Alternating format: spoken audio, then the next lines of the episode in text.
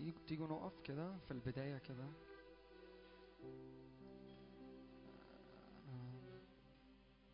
تعالوا كده نعطش ل... لمياه حية.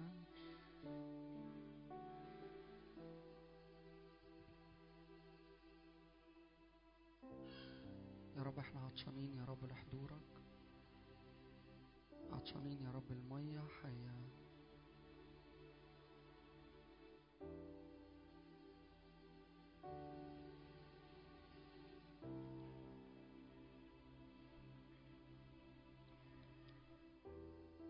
رب عن نفسك اعلن اعلن عن مجدك يا رب ليسكن مجدك يا رب. في وسطينا مش زيارات يا رب مش زيارات لكن سكنة سكنة للمجد.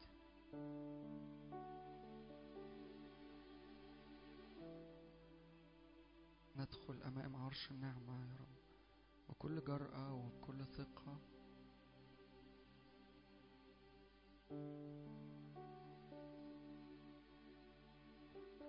اعلن يا رب نيران روحك يا رب.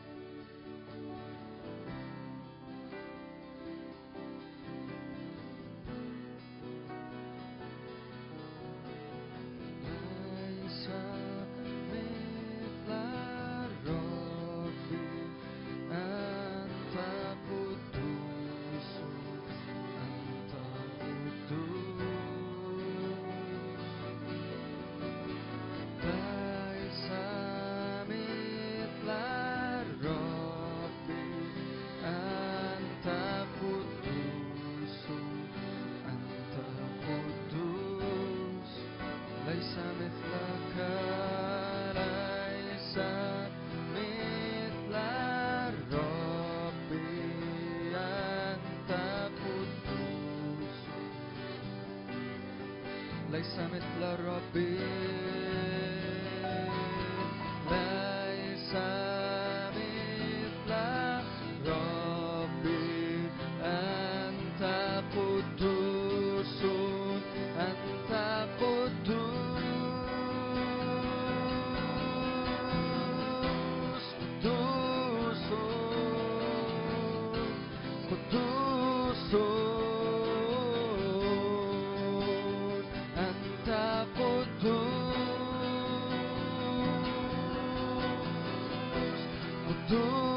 قدوس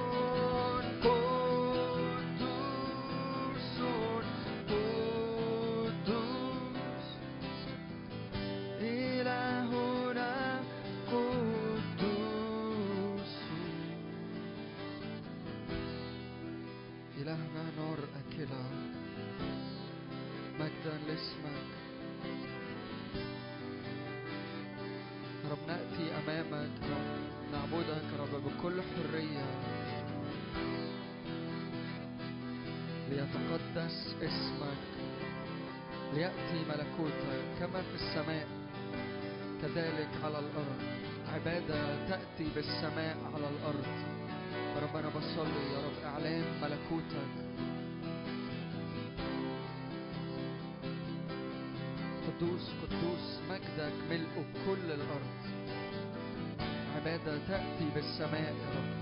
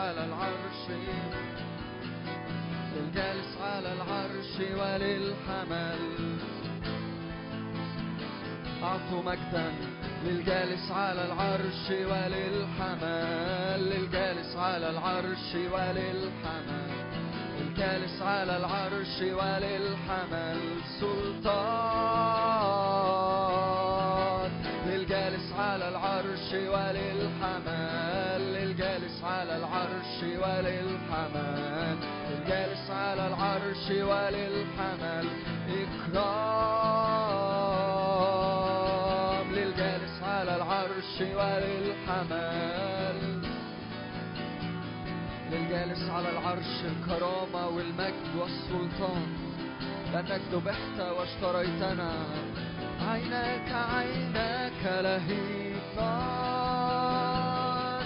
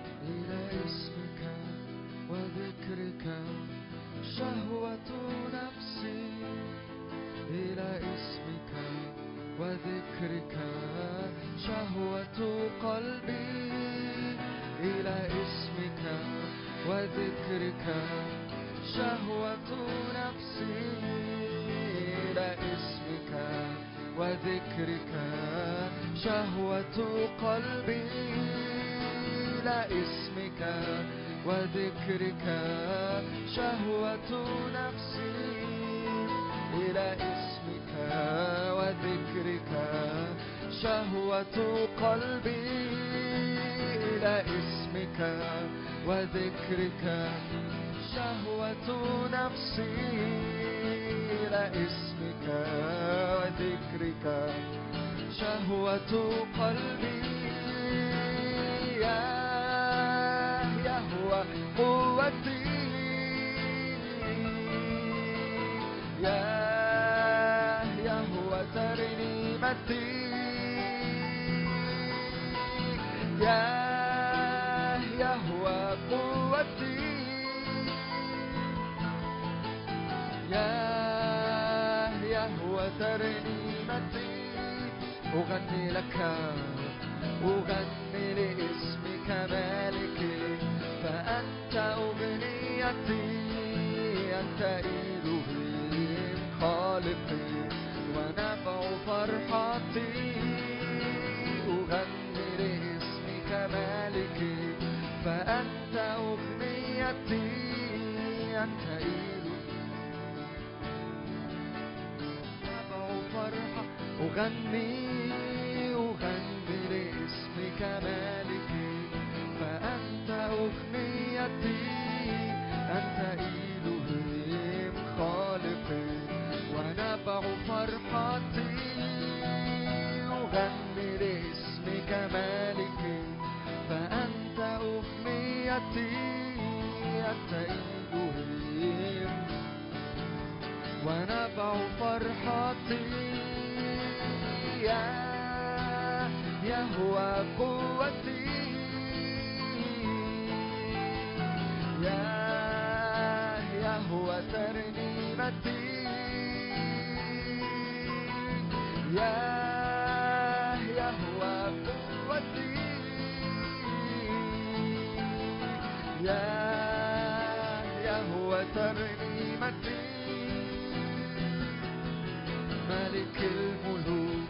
رب الأرباب ليس مثلك. أنت العليون مرتفعون. ما أمجد اسمك. ملك الملوك. رب الأرباب ليس مثلك. أنت العليون مرتفعون. ما أمجد اسمك. ملك الملوك. رب الأرباب. ليس مثلك مرتفعون ما أمجد اسمك يا يهوى قوتي يا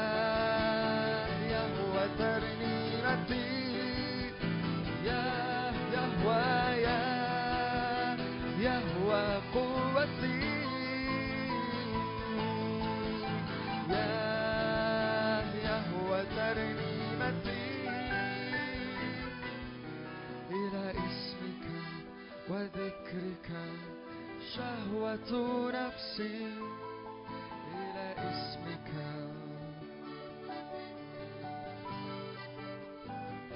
واحدة سألت من الرب وإياها ألتمس. شهوة قلبي إلى اسمك وذكرك. شهوة قلبي إلى اسمك إلى اسمك. وذكرك.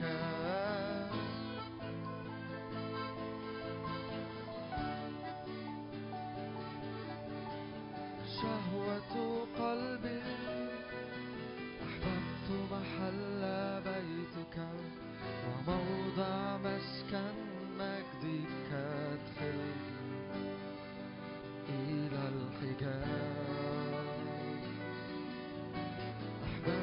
محل بيتك وموضع مسكن مجدك ادخلني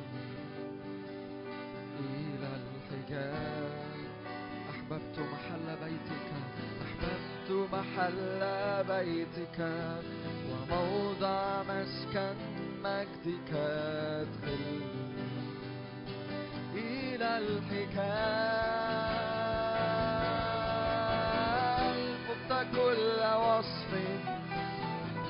فقت كل كلمات فقت كل وصف أنت الأبرع جمال. فقت كل وصف فقت كل كلمات.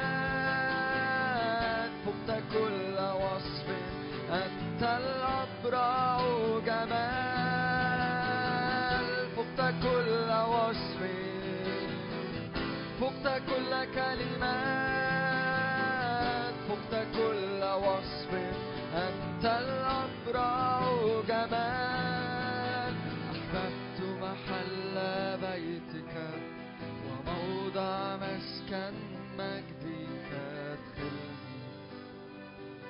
إلى الحجاب. أحببت محل بيتك وموضع هذا مسكن مجدك أدخلني إلى الحجاب أحببت محل بيتك وموضع مسكن مجدك أدخلني إلى أحببت محل بيتك أحببت محل بيتك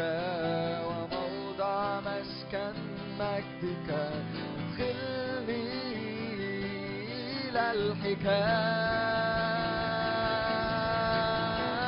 فقت كل وصف فقت كل كلمات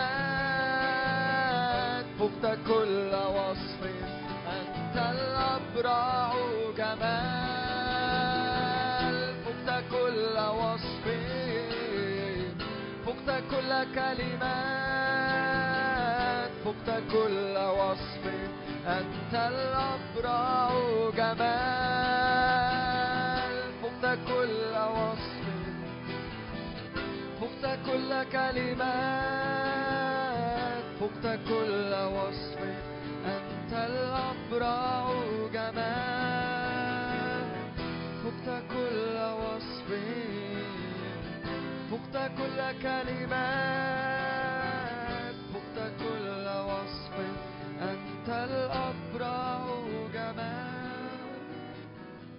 فقت كل وصف فقت كل كلمات فقت كل وصف. أنت أبرع جمال. فقت كل وصف فقت كل كلمات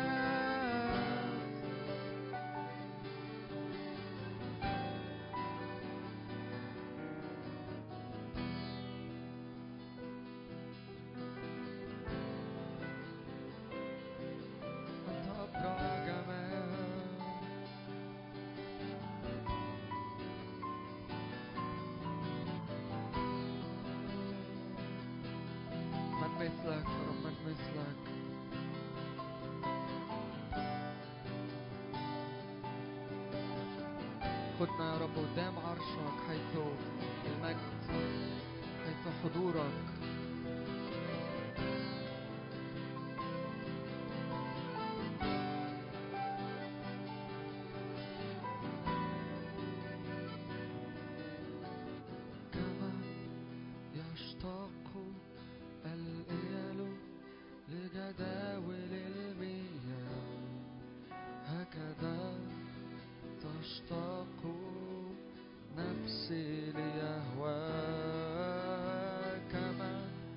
يشتاق الإيل لجداول المياه. هكذا تشتاق نفسي كما تشتاق الإيل كما تشتاق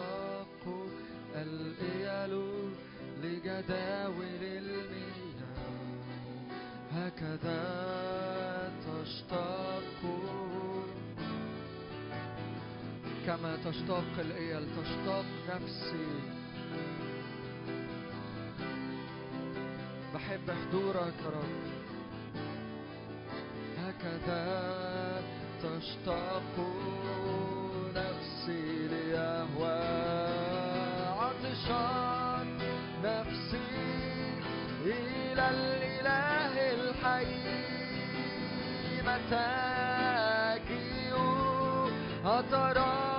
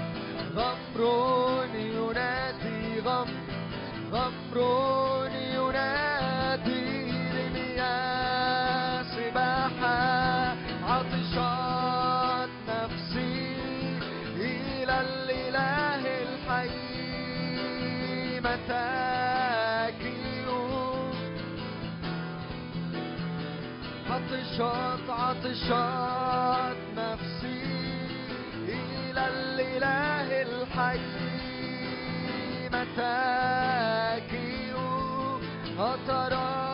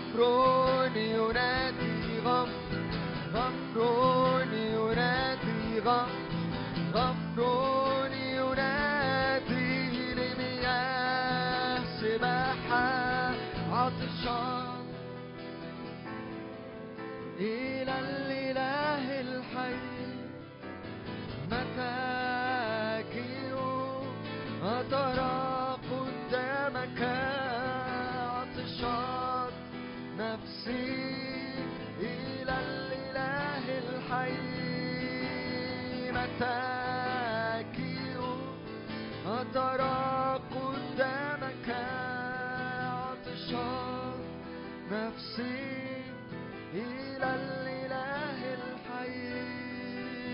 متى أجيء؟ أترى قدامك عطشا.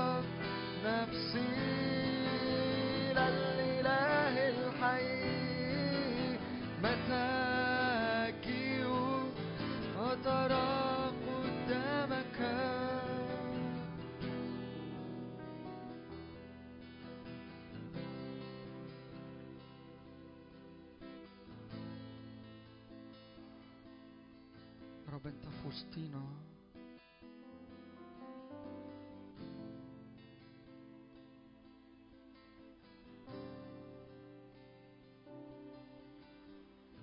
Artafai, Europa e Magdag.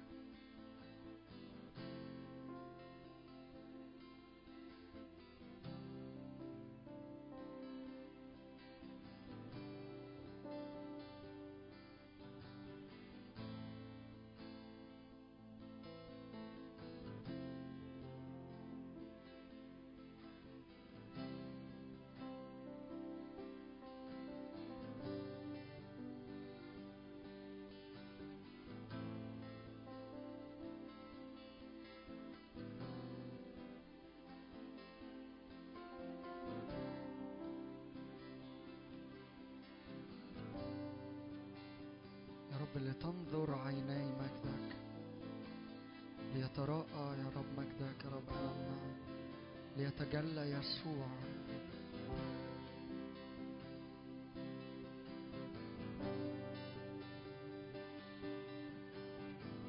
ننظر مجدك رب وجه مكشوف فنتغير إلى تلك الصورة عينها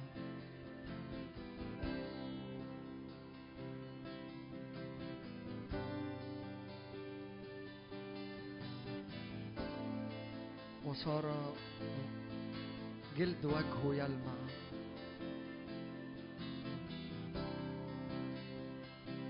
فوق الجبل يا رب أعلن كده فوق الجبل وجها لوجه.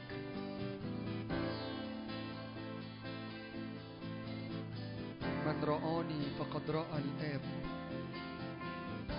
يسوع بهاء مجد الآب.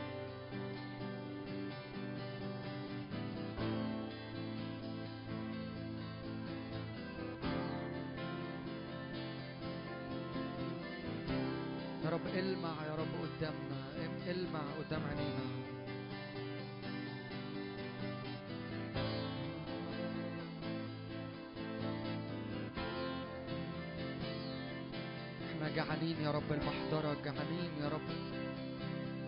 لسكنى مجدك يا رب.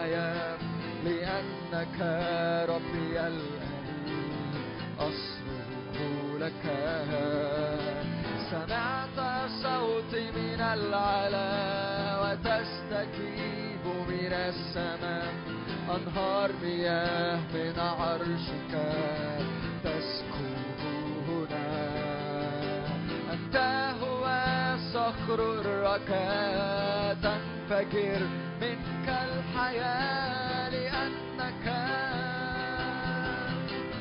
أصرخ لك. سمعت صوتي من العلم وتستجيب من السماء. أنهار مياه من عرشك.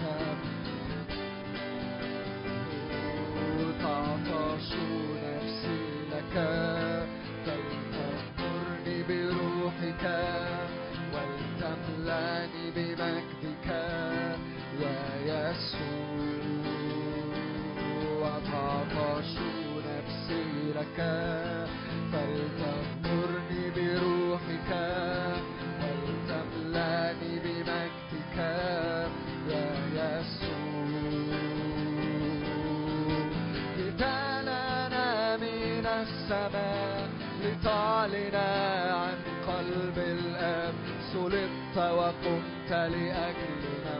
صفا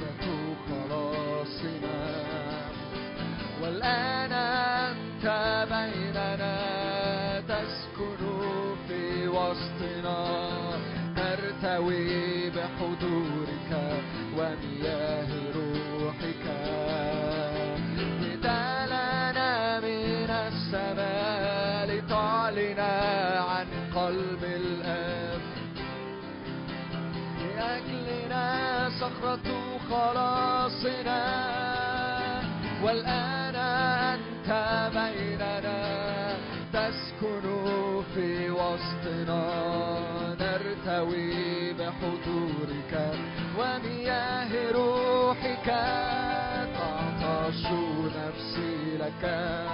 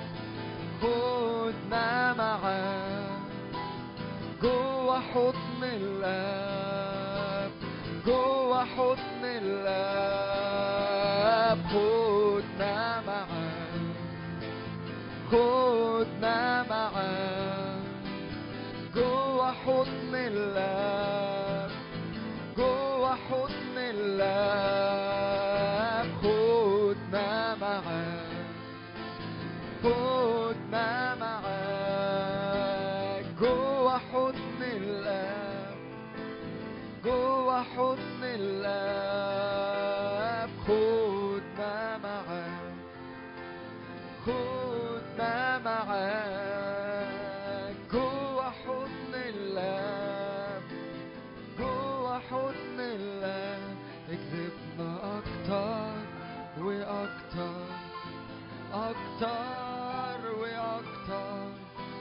لنصير واحد معاك. اكذبنا أكتر وأكتر أكتر وأكتر. لنصير واحد معاك لنصير واحد معاك. اكذبنا أكتر وأكتر أكتر وأكتر. لنصير واحد معاك لنصير واحد معاك. اكتبنا أكتر وأكتر أكتر وأكتر. لنصير واحد معاك لنصير واحد معاك. يسوع يسوع.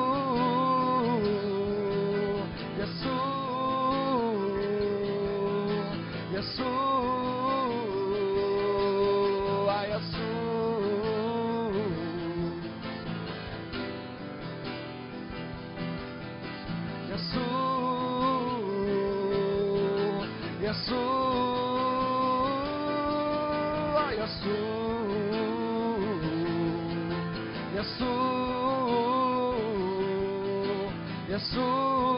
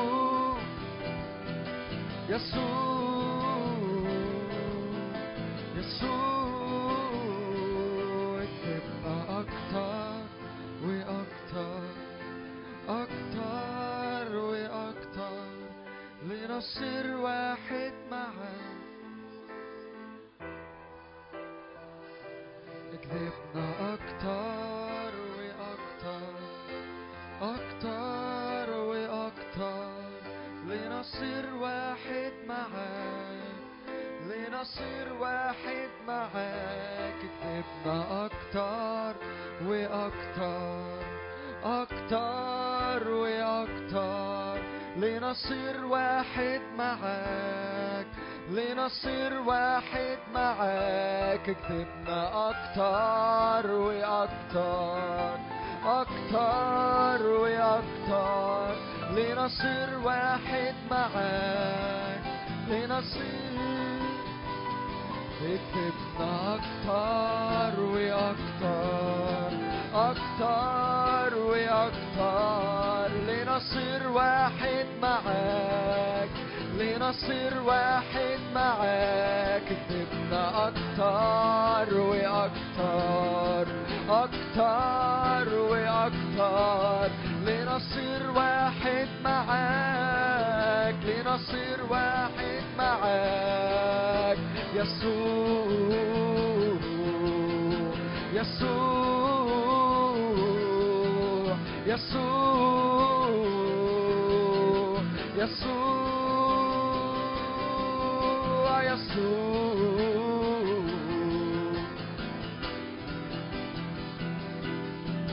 يسوع.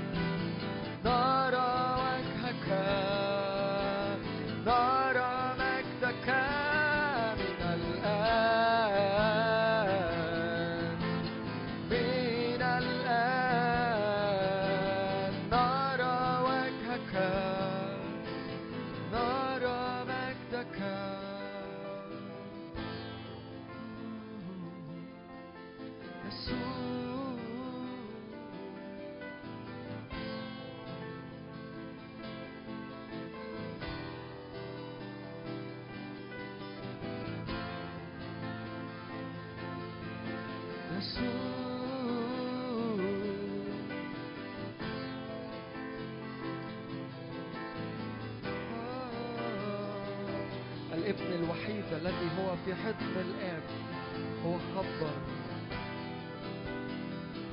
ورأينا مجده مجدا كما لوحيد من الآب مملوء نعمة وحقا. الذي رأيناه الذي سمعناه الذي لمسته أيدينا. إعلان يسوع المسيح. يسوع الكلمة صار جسدا وحل بيننا. يسوع.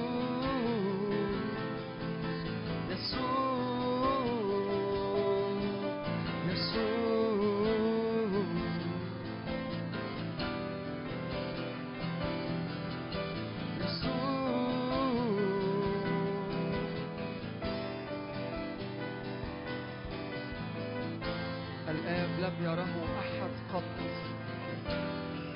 الابن الوحيد الذي هو في حضن الآب. الآن رب يدعونا أبناء نسكن في حضن الآب.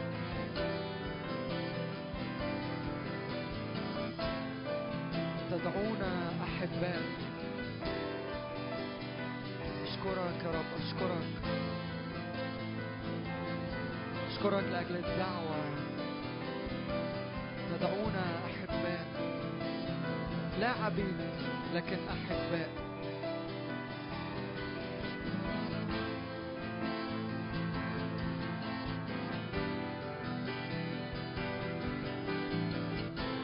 يا روح الرب مجد يسوع. مجد يسوع. يا روح الرب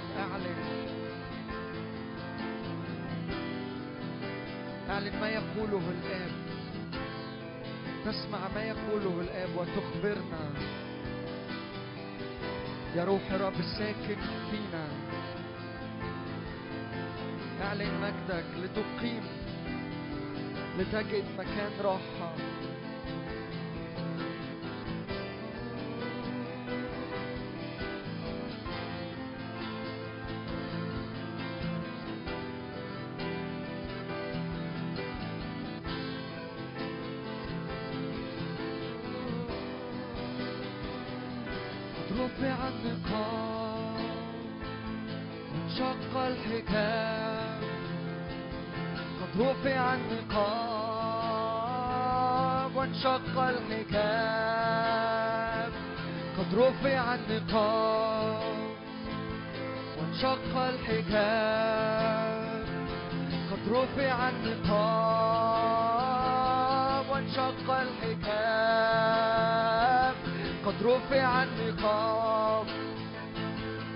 وانشق الحجاب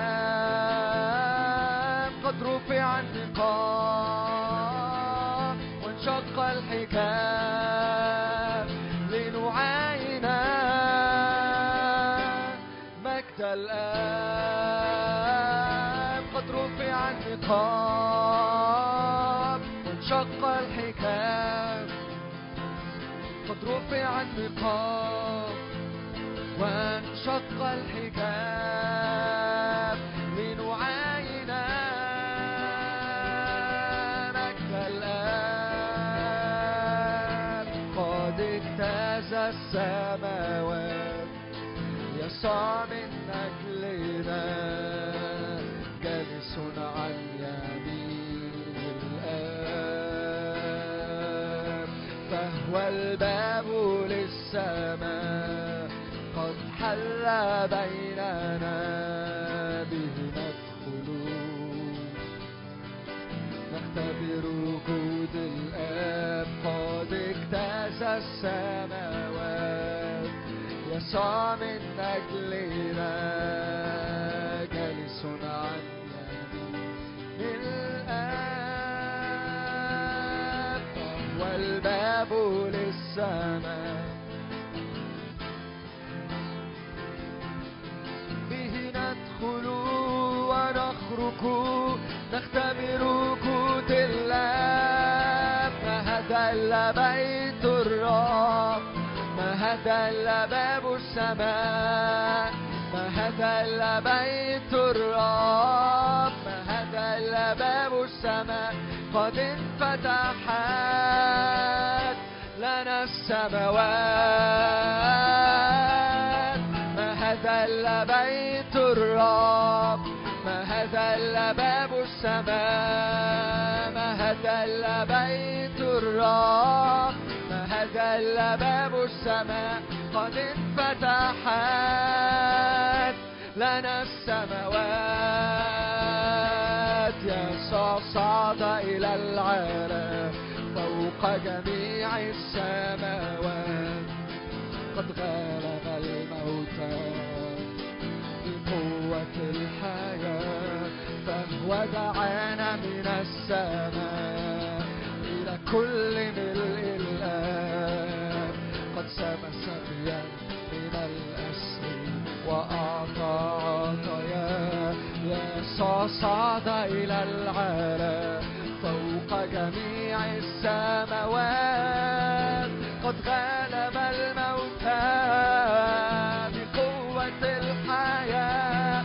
فهو دعانا من السماء.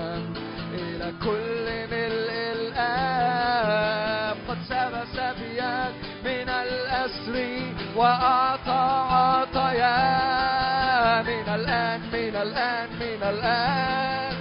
نرى السماوات مفتوحة من الآن من الآن من الآن. نرى السماوات مفتوحة من الآن من الآن من الآن. نرى السماوات وملائكة صاعدة ونازلة. الآن من الآن. نرى السماوات مفتوحة من الآن. نرى السماوات. صاعدة ونازلة يسوع صعد. يسوع صعد إلى العالم فوق جميع السماوات. قد غلب الموت بقوة الحياة فهو دعانا من السماء إلى كل ملء الآب. قد سب سبيا من الأسر وأعطى عطايا يسوع صعد إلى العالم فوق جميع السماوات. قد غلب الموتى الحياة فهو دعانا من السماء إلى كل ملء الآب. قد سب سبيا من الأسر وأعطى عطايا. من الآن من الآن من الآن. نرى السماوات مفتوحة. من الآن من الآن من الآن. من الآن من الآن من الآن من الآن. نرى السماوات وملائكة صاعدة ونازلة. من الآن من الآن. نرى السماوات مفتوحة. من الآن من الآن من الآن. نرى السماوات مفتوحة من الآن من الآن من الآن. نرى السماوات وملائكة صاعدة ونازلة. قد رفع النقاب وانشق الحجاب قد رفع النقاب.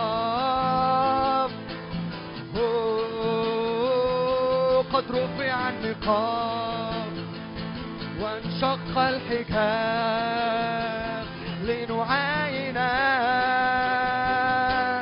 مجد الآب قد رفع النقاب وانشق الحجاب قد رفع النقاب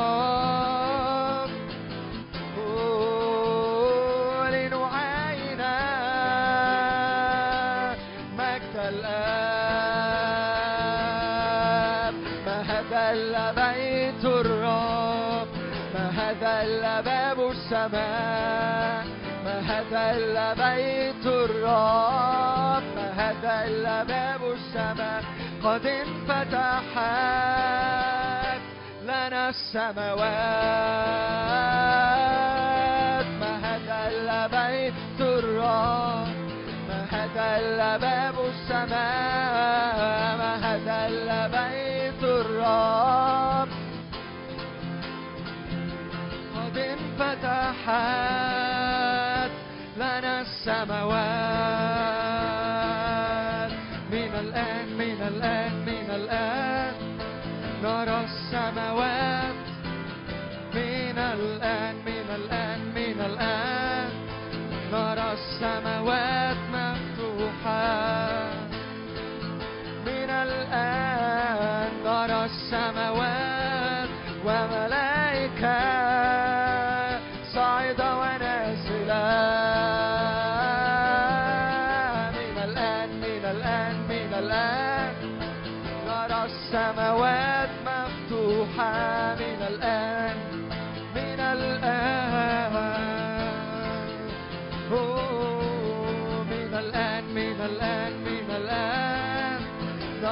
نرى السماوات وملائكة صاعدة ونازلة من هو هذا؟ مالك المجد الرب القدير الجبار في القتال. الشداي أدوناي يهوى الصباؤوت أمامه عاصف ونار أكلة. من هو هذا؟ مالك المجد. الرب القدير الجبار في القتال. الشداي أدوناي يهوى الصباؤوت أمامه عاصف ونار أكلة. من هو هذا؟ مالك المجد. الرب القدير الجبار في القتال. الشداي أمامه عاصف من هو؟ هو هذا مالك المجد الرب القدير الجبار في القتال الشداي أدوناي يهوى صفاؤون أمامه عاصف ونار أكلة. من هي هذه عروس الخروف؟ أورشليم الجديدة من السماء نازلة. مشرفة كالصباح طاهرة كالشمس. مرهبة مثل جيش بألوية. من هي هذه عروس الخروف؟ أورشليم الجديدة من السماء نازلة. مشرفة كالصباح طاهرة كالشمس. مرهبة مثل جيش بألوية. من هي هذه عروس الخروف؟ أورشليم الجديدة من السماء نازلة. طاهرة كالشمس مرهبة مثل جيش بألوية من هي هذه عروس الخروف؟ أورشليم الجديدة من السماء نازلة طاهرة كالشمس مرهبة مثل جيش من هو؟ من هو هذا؟ مالك المجد الرب القدير الجبار في القتال. الشداي أدوناي يهوى صفاؤون أمامه عاصف ونار أكلة. من هو هذا؟ مالك المجد الرب القدير الجبار في القتال. الشداي أدوناي يهوى صفاؤون أمامه عاصف ونار أكلة من هو هذا؟ الرب القدير الجبار في القتال. يهوى صفاؤون أمامه مرهبة كجيش بلوية من هي هذه عروس الخروف؟ يا رب أنت تقيم عروس مزينة يا رب أمامك. مرهبة كجيش بألوية. من هي هذه عروس الخروف أورشليم الجديدة من السماء نازلة. كالصباح طاهرة كالشمس مرهبة مثل جيش. مرهبة من هي هذه عروس الخروف مشرفة كالصباح طاهرة كالشمس. من هو من هو هذا؟ الرب القدير الجبار في القتال شداي أدوناي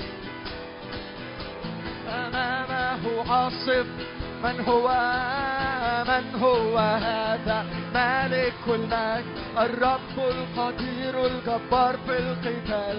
شداي أدوناي يهوى صفاؤون أمامه عاصف ونار أكلة. من هو هذا؟ مالك المجد الرب القدير الجبار في القتال. أمامه عاصف ونار أكلة قد جاء الأقوى ينادي بالعتق. قد جاء الأقوى يخرج من السجن. قد جاء الأقوى ينير الظلام. يسوع المسيح يحيي العظام. قد جاء الأقوى ينادي بالعتق. قد جاء الأقوى يخرج من السجن قد جاء الأقوى ينير الظلام يسوع المسيح يحيي العظام. هل تسلبوا من الجبار؟ من الجبار غنيمة. هل يفلت سبي المنصور وقوته عظيمة؟ من الجبار من الجبار غنيمة هل يفلت سبي المنصور وقوته عظيمة نعم نعم نعم نعم قد جاء الأقوى ينادي بالعتق قد جاء الأقوى يخرج من السجن قد جاء الأقوى ينير الظلام. يحيي العظام قد جاء الأقوى ينادي بالعظم قد جاء الأقوى يخرج من السجن قد جاء الأقوى يسوع المسيح يحيي العظام. هل تحيا هذه العظام؟ والجالسون في أرض هل يشرق عليهم هل يشرق عليهم النور؟ هل تحيا هذه العظام؟ والجالسون في أرض هل يشرق عليهم النور؟ هل يشرق عليهم النور نعم نعم نعم نعم قد قال ينادي بالعتق قد قال الأقوى يخرج من السجن. يسوع المسيح يحيي العظام. قد جاء الأقوى ينادي بالعتق قد جاء الأقوى يخرج من السجن. قد جاء الأقوى ينير الظلام. يسوع المسيح يحيي العظام. قد جاء الأقوى ينادي بالعتق. قد جاء الأقوى يخرج من السجن. قد جاء الأقوى ينير الظلام. يحيي العظام. ليك يا رب المجد ليك المجد ليك المجد. وحدك يا رب ليك المجد ليك المجد. ليك المجد.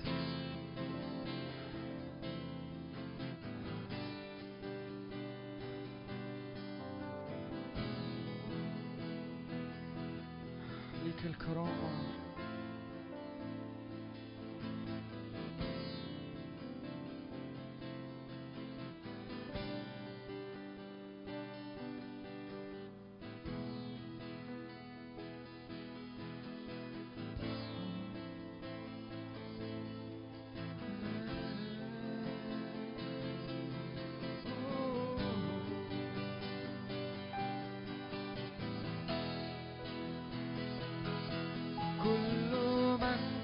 السماوات ومن على الأرض يعترف أن يسوع هو الرب. كل من في السماء كل من في السماوات. ومن على الأرض يعترف أن يسوع هو الرب. كل من في السماء يعطي مجدا. في السماوات. كل من على الأرض يسجد أمام جلالك. يعترف هو الرب هو الرب.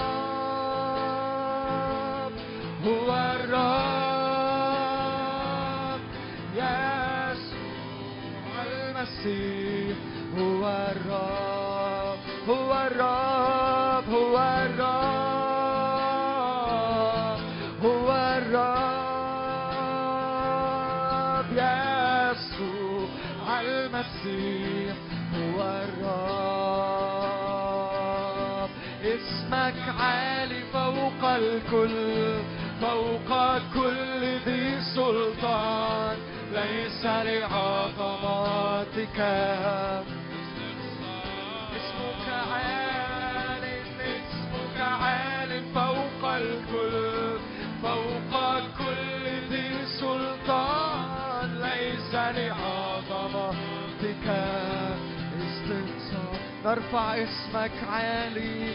اسمك عالي فوق الكل. ليس لعظمتك استقصاء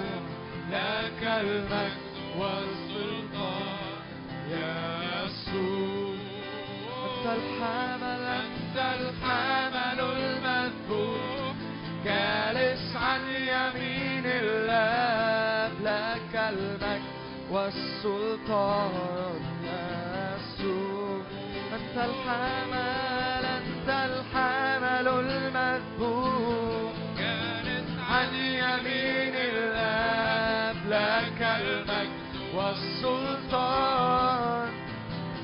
يسوع يسوع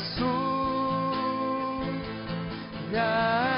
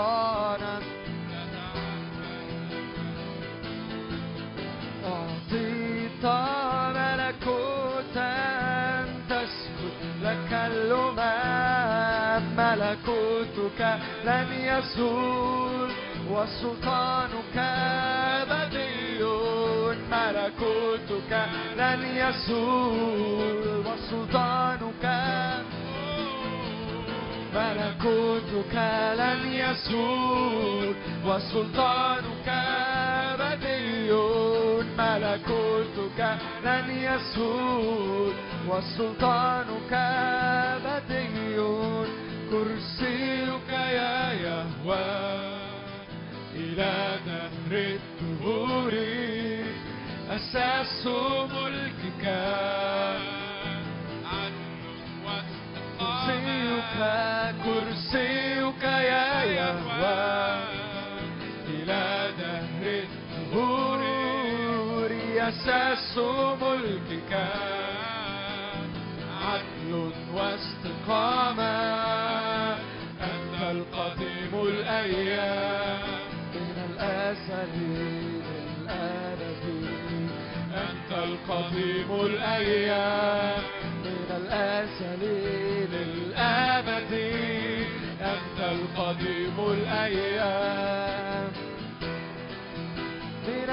الأزل أنت القديم الأيام. نور الأبد ملكوتك لن يزول وسلطانك أبدي ملكوتك لن يزول وسلطانك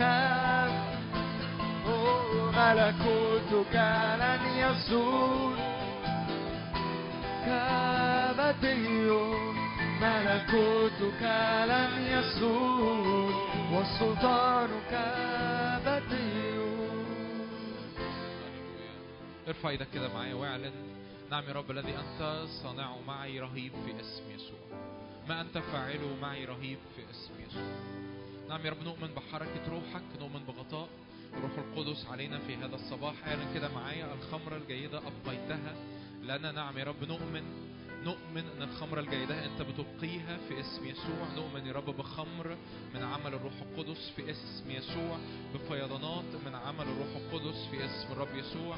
اؤمن بناس تمتلئ بالروح القدس اؤمن بناس تختبر ايات وعجائب في أجسادها في نفسيتها في مادياتها. في ظروفها في اسم الرب يسوع اؤمن بحركة من الروح القدس علينا في اسم الرب يسوع اؤمن الرب الرب ما يسيبكش ابدا تصعد الجبل وتنزل لازم الرب يحملك يحملك بخيرات يحملك ب- بدهن ومسحة وبنعمة وبزيت من الروح القدس.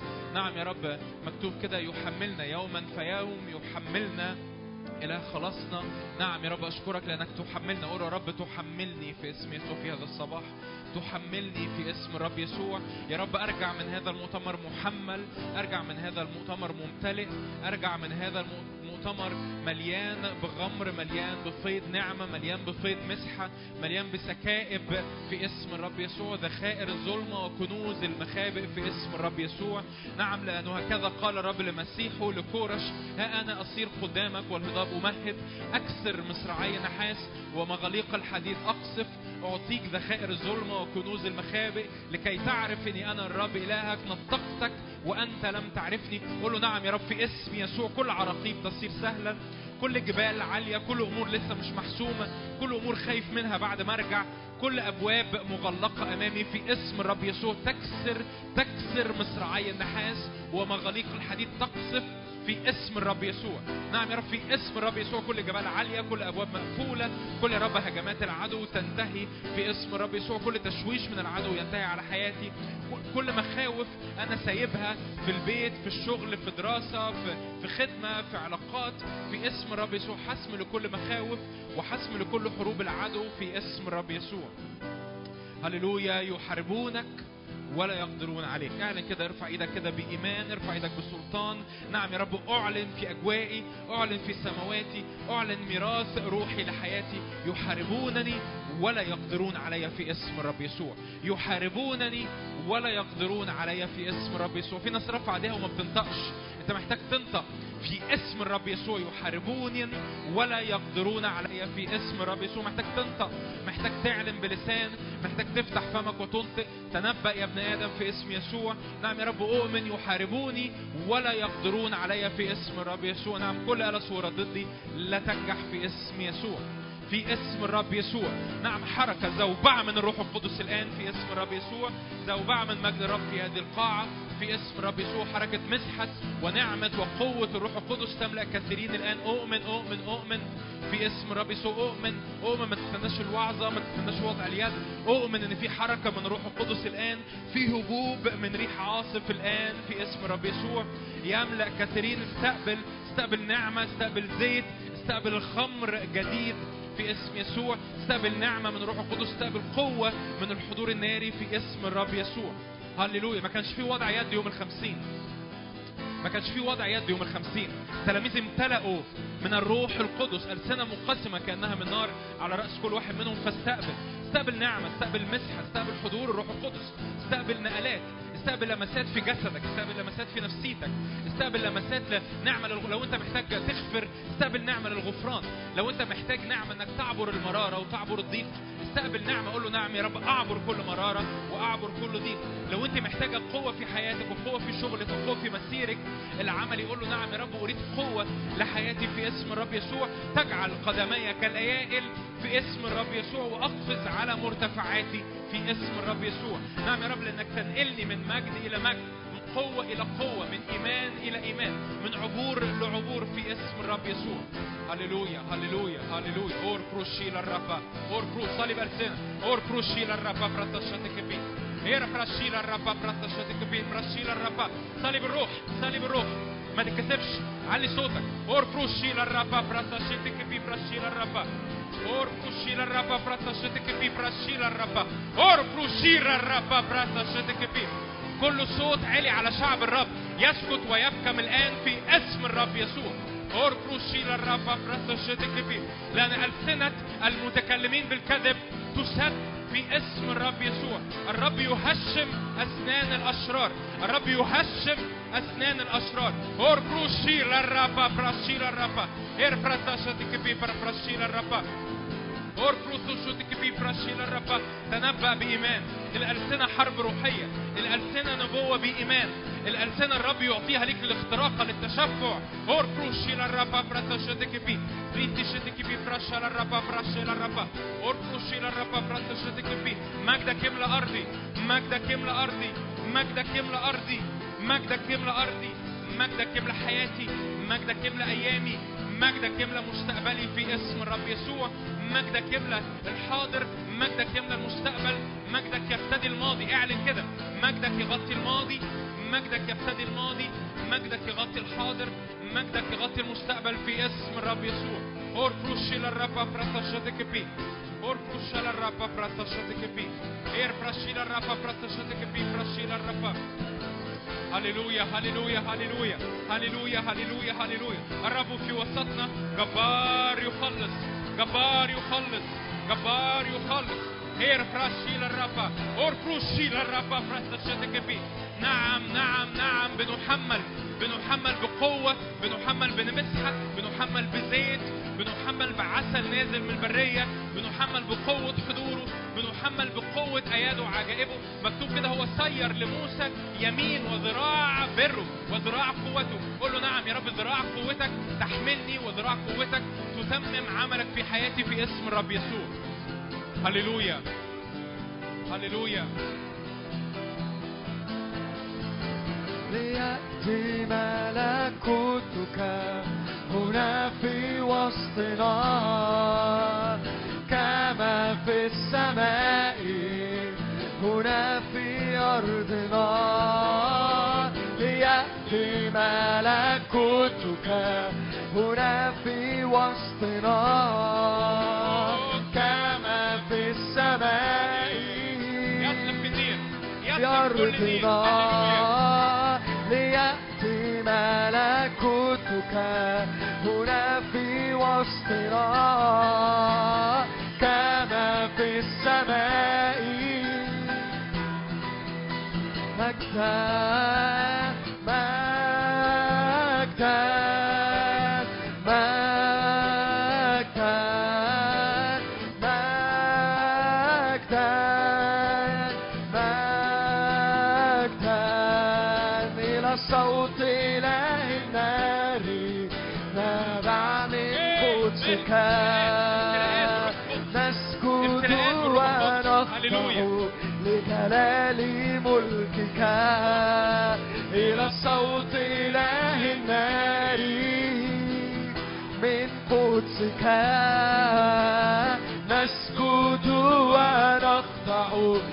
جلال ملكك.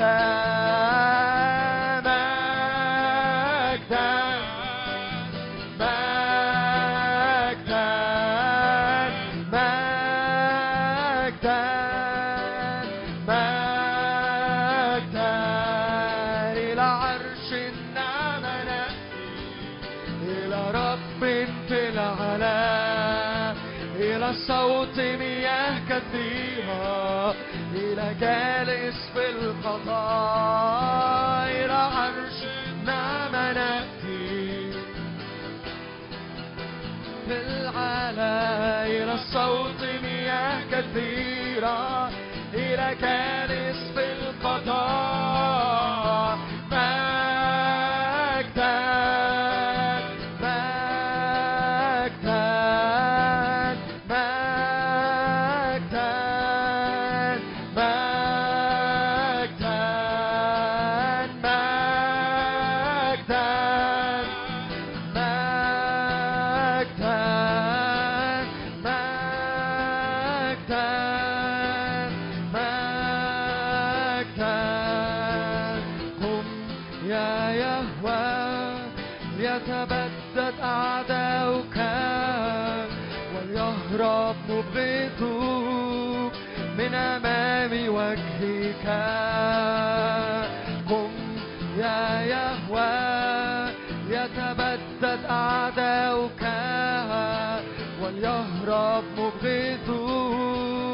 من أمام وجهك.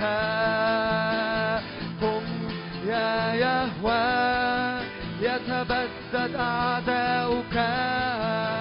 وليهرب مبغضوك من أمام وجهك.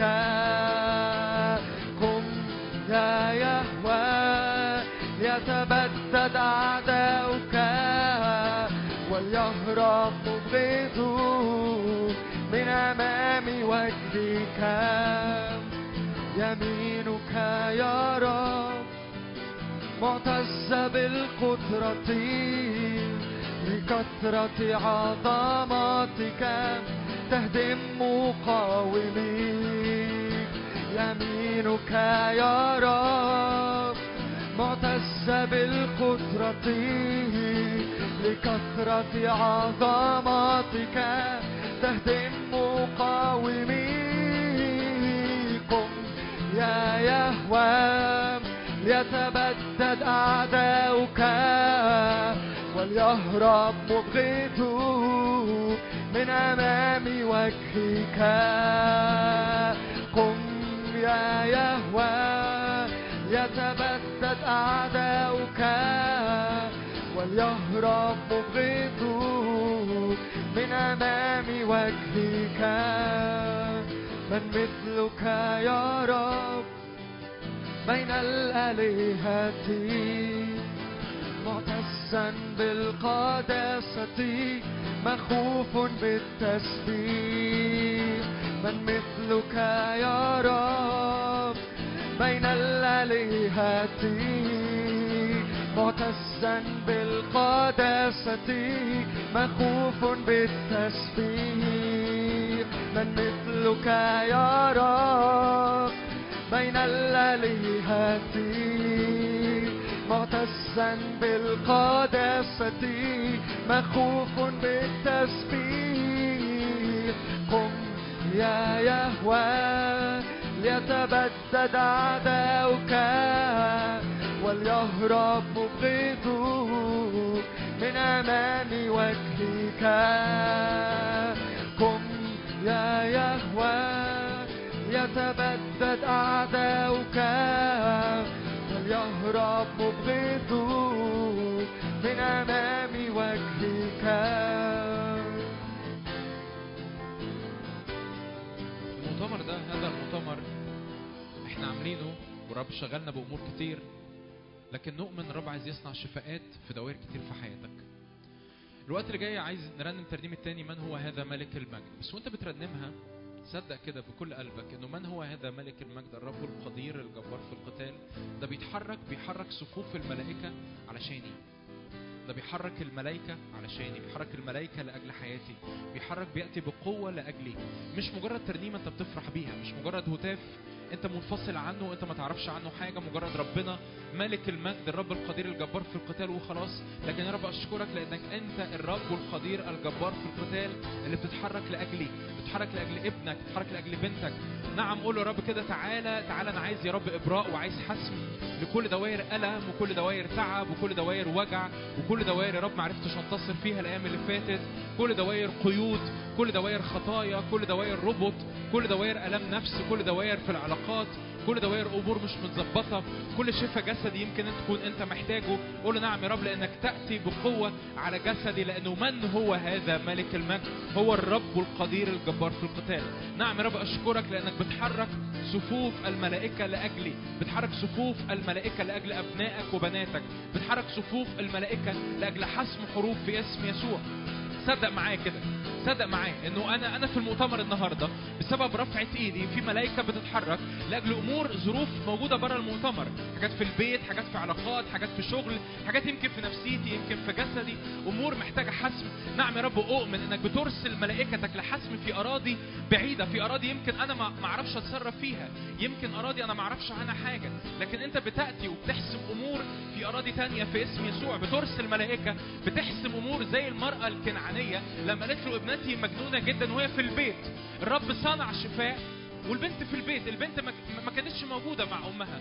فرب أشكرك لأنك بتأتي بتصنع إبراء وبتصنع حسم في أمور بعد المؤتمر في أمور بيتي في أمور علاقاتي في أمور شغلي في أمور خدمتي في دوائر محتاجة حسم في دوائر محتاجة شفاء في دوائر محتاجة إبراء. يا عم يا رب أشكرك لأنك بترسل صفوف من الملائكة في اسم يسوع. أؤمن نؤمن وإحنا بنعلن هذه الترنيمة مرة كمان بفرح وبهتاف بإدراك إن هذا الرب القدير بيتحرك لأجلي.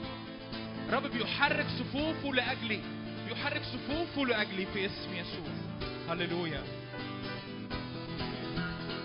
من هو هذا ملك المجد الرب القدير الجبار في القتال. الشداي أدوناي يهوى صفاوت أمامه عاصف ونار أكلة. لأجلي لأجلي. من هو هذا ملك المجد؟ الرب القدير الجبار في القتال. الشداي أدوناي يهوى الصفاوت أمامه عاصف ونار. من هو هذا ملك المجد الرب القدير الجبار في القتال. الشداي أدوناي يهوى الصفاوت أمامه عاصف ونار أكلة. من هو هذا ملك المجد؟ الرب القدير الجبار في القتال. الشداي أدوناي يهوى الصفاوت أمامه عاصف مرهبة من هي هذه عروس الخروف أورشليم الجديدة من السماء نازلة مشرفة كالصباح طاهرة كالشمس. مرهبة مثل جيش بألوية من هي عروس الخروف أورشليم الجديدة من السماء نازلة. كالصباح طاهرة كالشمس مرهبة مثل جيش بألوية. من هي هذه عروس الخروف؟ أورشليم الجديدة من السماء مشرفة كالصباح طاهرة كالشمس مرهبة مثل جيش بألوية. من هو هذا؟ المجد الرب القدير الجبار في القتال الشداي أدوناي يهوى صفاوت أمامه عاصف ونار أكلة. من هو هذا؟ ملك المجد. الرب القدير الجبار في القتال. يهوى صفاوت أمامه عاصف ونار. أكلة. من هي هذا؟ ملك المجد الرب القدير الجبار الشداي أدوناي يهوى أمامه عاصف ونار أكلة من هو هذا؟ ملك المجد الرب القدير الجبار في القتال. الشداي أدوناي يهوى صفاوت أمامه عاصف ونار أكلة. هللويا لا- لأن لأن في حركة من روح القدس فإحنا هعمل وضع يد دلوقتي. الخدام موجودين في القاعة أنتم متعودين مننا في اسكندرية بنعمل وضع يد في أي وقت مش لازم بعد الوعظة. فالخدام موجودين في القاعة صامويل هتعبك زيادة. كمل شوية تسبيح لأنه أؤمن إن الرب عايز يعمل لمسات فيها حسم.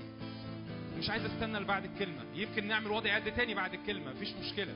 بس أنا جوايا إن الرب عايز يعمل حسم. بس عايزك تعمل حاجة. عايزك تعمل حاجة. ايا كان الخادم اللي بيصلي لك القصة مش في مشاعر أو قصة مش إحساس وأنا وأنا بيتصلى لي. القصة إنه في حركة من الروح القدس وأنا بستقبل بإيمان. وصدق إن المسحة تلمس موضع احتياجك. ايا كان هو إيه. يعني انت تقول لي انت ما صليتليش لاجل المرض القصة مش لازم أقول المرض. مش لازم أقول أنا بصلي لك علشان نفسيتك مش لازم بصلي لك عشان مشاكلك. قصة انت بتصدق نز- يسوع ما قالش حاجة لنزفه الدم. نزفة الدم سحبت المسحة بإيمان وهي متأكدة إن إن هذه المسحة عمل الروح القدس بيشتغل في جسدها. أمين؟ فالقصة مش الكلام اللي بيتقال. ما ما انت صدق بإيمان وأنا بستقبل نعمة. أنا بستقبل حركة من الروح القدس. أنت بقى شوف أنت بقى حط الح... أنت دلوقتي دي لحظاتك أنا عايز أسيبها لك كده. حط الأمر قدام الرب. إيه اللي أنت عايز المسحة تيجي تعمله في حياتك دلوقتي؟ يا رب أنا يمكن عايز أمت... يمكن تكون كل طلبتك إن يا رب أنا عايز أمتلي بالروح القدس لأجل الخدمة. أنا عايز امتلي عايز امتلئ بهبات روحية لأجل الخدمة. عايز امتلئ بنعمة وقوة لأجل الخدمة. قول يا رب يمكن أنا عايز شفاء في جسدي. يا رب أنا عايز المسحة تعمل بشفاء في جسدي. عايز المسحة تصنع حرية من كل قيد ومن كل أمور نفسية. يا رب يمكن عايز يا رب حركة من الروح القدس لحسم في علاقات. يمكن عايز حكمة. يمكن يا رب عايز سكيب زيادة. يمكن عايز أصلي بألسنة. ايا كان الأمر اللي أنت محتاجه حطه قدام الرب في هذه اللحظات. وصدق كده معايا إنه يتلف النير لسبب السمانة. يتلف كل نير لسبب المسحة في اسم الرب يسوع. يتلف كل نير لسبب المسحة. يتلف كل نير لسبب عمل الروح القدس في اسم الرب يسوع. فوإنت مغمض عينك الخدام هيتحركوا لك في مكانك. مش محتاج تتحرك مش محتاج تعمل أي حاجة. ركز عينك على الرب اعبد الرب اشكر الرب سبح الرب قول له نعم لأنك صالح لأنك أمين. نعم روح الله نؤمن بحركتك. نؤمن يا رب إن يسوع كان يقول يصنع خير يشفي جميع المتسلط عليهم إبليس. لأن الله كان معه ويا رب نؤمن إن الله معنا الآن. نؤمن إن حركة روحك علينا الآن في اسم يسوع لصنع يا رب حسم لصنع حرية لصنع إبراء وإطلاق غير عادي في اسم الرب يسوع. نؤمن كده إنه نعم الشعب خرج بأملاك جزيلة. نخرج يا رب بأملاك جزيلة. نخرج يا رب بامتلاكات غير عادية. نخرج يا رب بحسم نعم نؤمن يا رب إن اللي أنت فاعله معنا رهيب رهيب رهيب لأجل شعبك مش لأجل خدام مش لأجل خدمة مش لأجل مؤتمر لأجل شعبه. الرب بيترأف وبيتحنن لأجل شعبه في اسم الرب يسوع. هللويا في اسم يسوع. رياحك علينا يا روح الرب. اشعل قلوبنا وملانا بنارك. اجعل حياتنا شهادة تعلن عن مجدك. حرك رياحك علينا يا روح الرب. اشعل قلوبنا وملانا بنارك. اجعل حياتنا شهادة حرك رياحك حرك رياحك علينا يا روح اشعل قلوبنا ودانا بنارك اجعل حياتنا شهادة تعلن عن مجدك ارتفع يا رب قواتك نرنم ننخم بجبروتك نهتف بملكك ونعلن مجدا لاسمك ارتفع يا رب بقوتك نرنم ننخم بجبروتك نهتف بملكك ونعلن مجدا لاسمك ارتفع يا رب بقوتك نرنم ننخم بجبروتك نهتف بملكك ونعلن مجدا لاسمك الرب كالجبار يخرج كرجل الحرب ينزل أبطاله بمسحة تسحق الأعداء. الرب كالجبار يخرج أمامه كرجل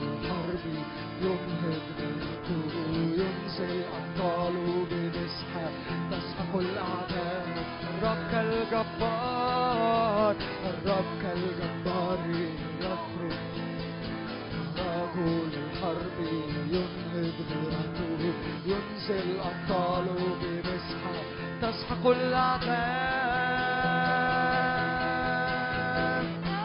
يا رب قوتك نرنم ننخم بجبروتك نهتف بملكك ونعلن مجدا لاسمك ارتفع يا رب قوتك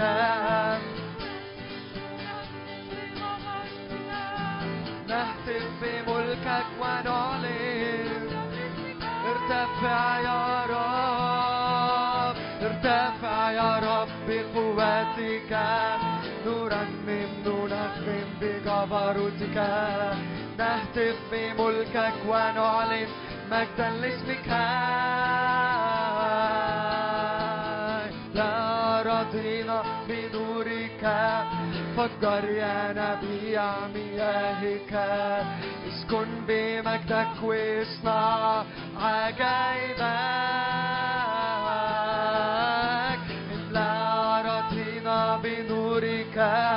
فجر يا نبيع مياهك. اسكن بمجدك واصنع عجائبك ارتفع اللهم على السماوات وليرتفع على كل الأرض. مجدك مجدك.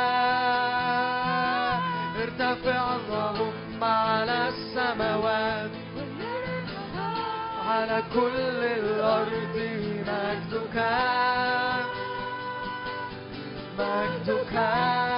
تفير ترتفع اللهم ما السماوات وليرتفع على كل الأرض.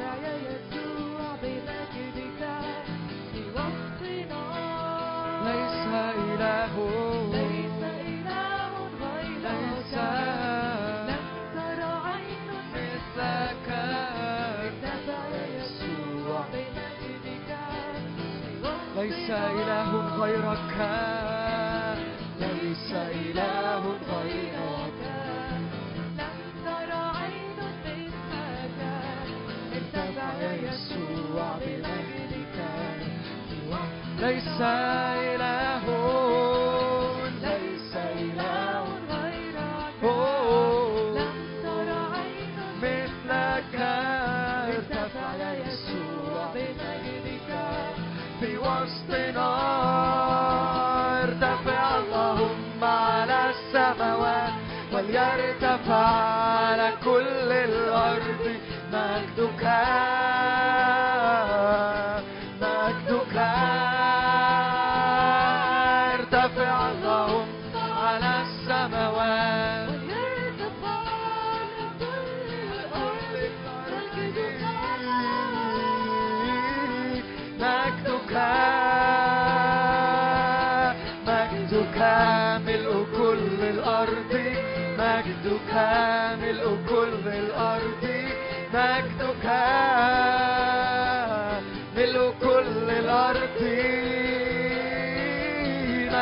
ملء كل الأرض مجدك مجدك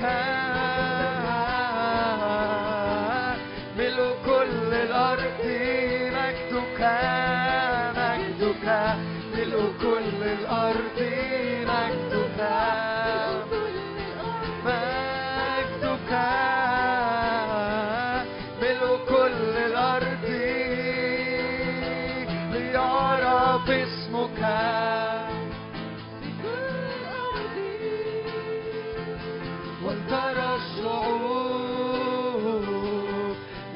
Mordecai.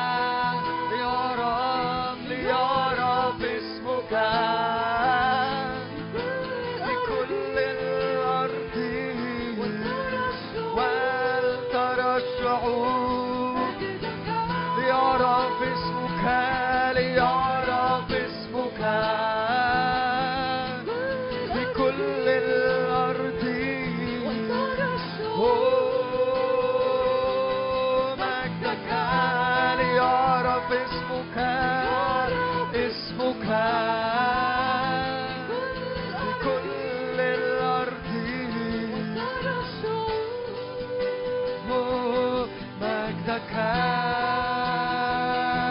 الكل قائل مجدك مجدك مجدا للحمل. الكل قائل مجدا مجدا ليسوع الكل قائل مجدا مجدا مجدا كل ما فيا يعطي مجدا مجدا مجدا الكل يعطي مجدا.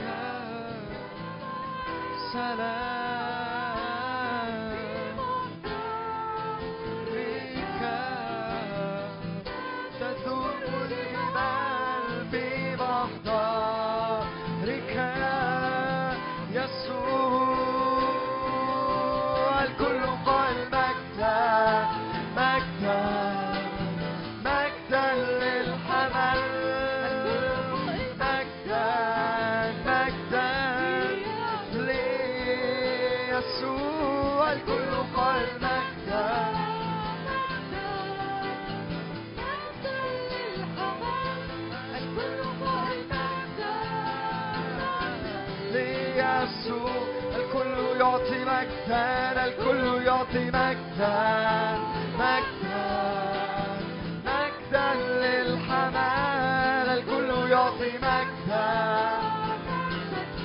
يسوع كل الملائكة تصرخ.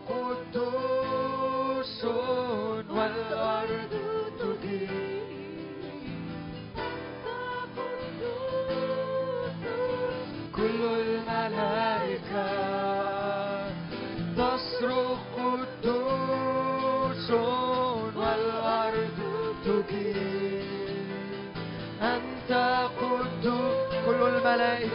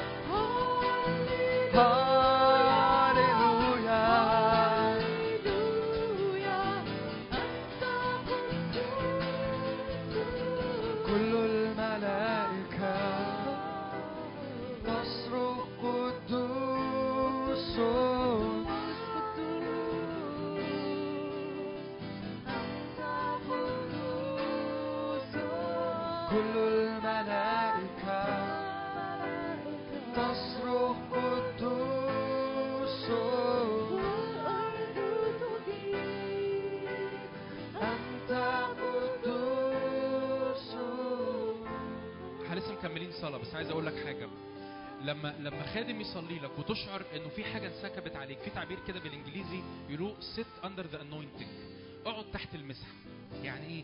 يعني خليك قاعد مكانك شوية و... و... وتجاوب مع الرب وابتدي افهم إيه اللي بيحصل. ما تستعجلش إنك تقوم ما تستعجلش إنك تقف ما تستعجلش إنه أرنم ما تستعجلش إن أنا هقف عشان أشوف مين تاني بيصلي. ما تستعجلش. خليك قاعد تحت المسحة خليك قاعد تحت عمل الروح القدس. آمين؟ دي حاجة نتعلمها عموما. تخليك قاعد تحت المسحة تخليك قاعد تحت حركة الروح القدس تشرب من الروح القدس.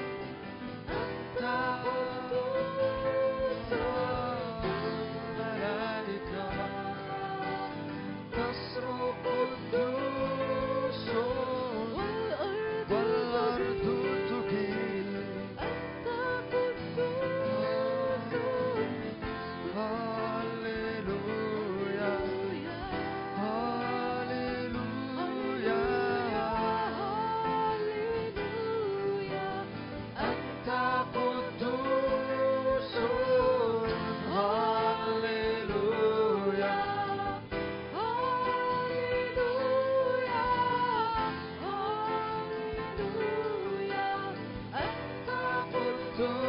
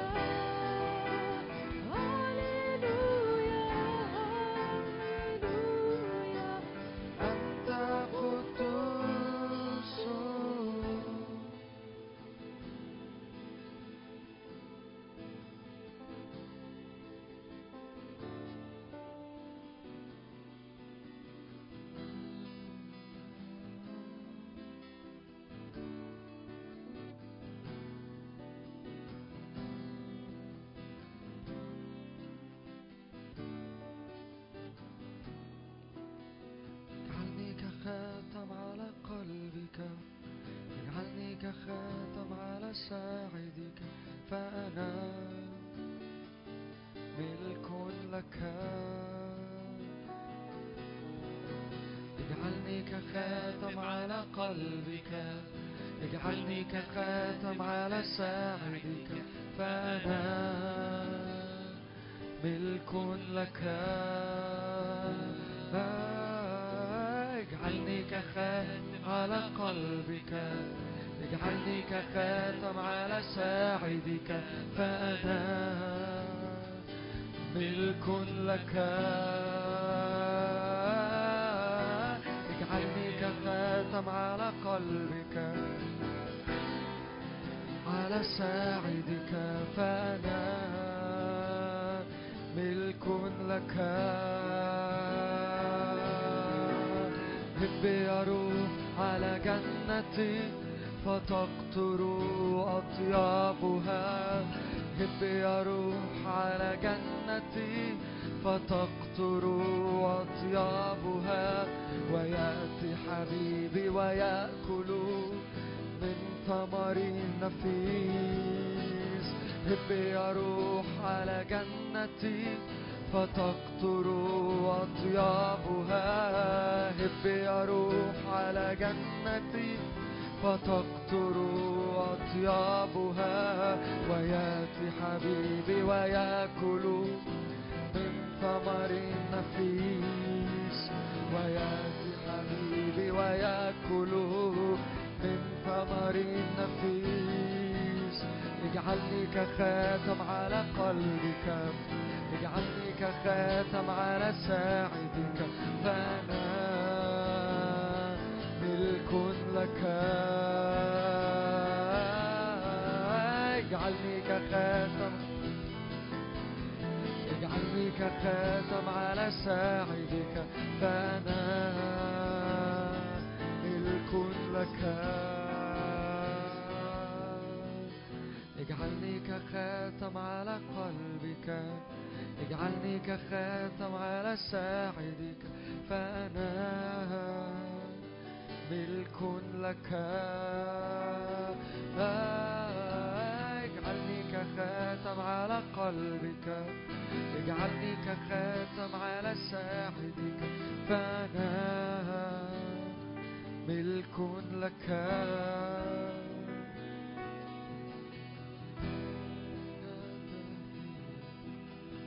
اجعلني كخاتم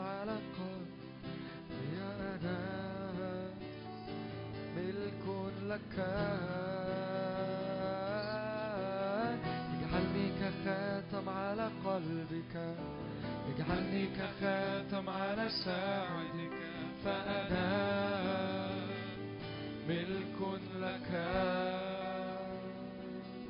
عايز مشغول أصلي آه، لأجل كل حد مريض آه، أو كل حد محتاج بلاش مريض كل حد محتاج شفاء.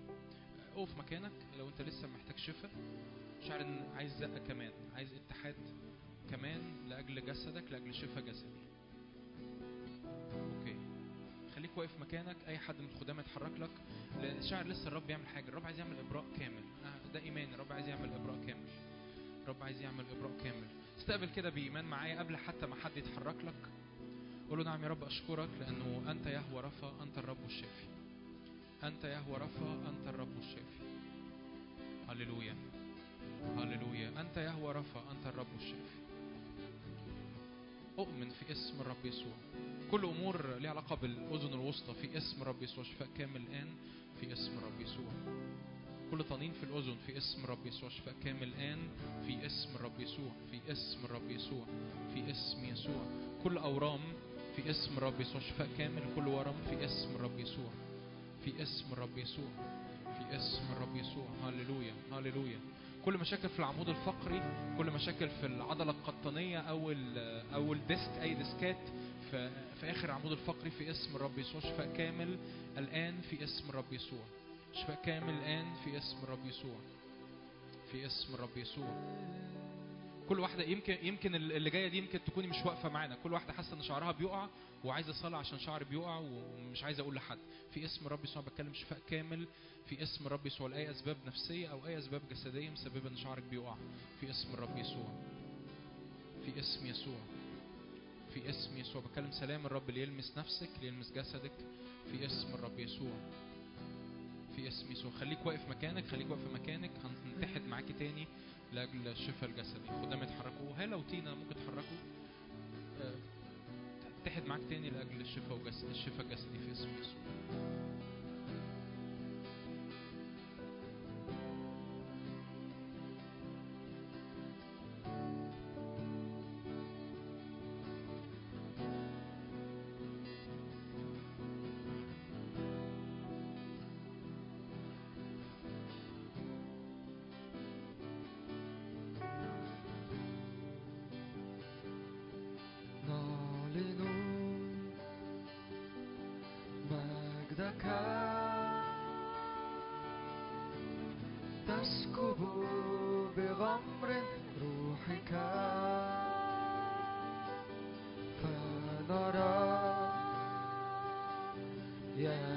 يدك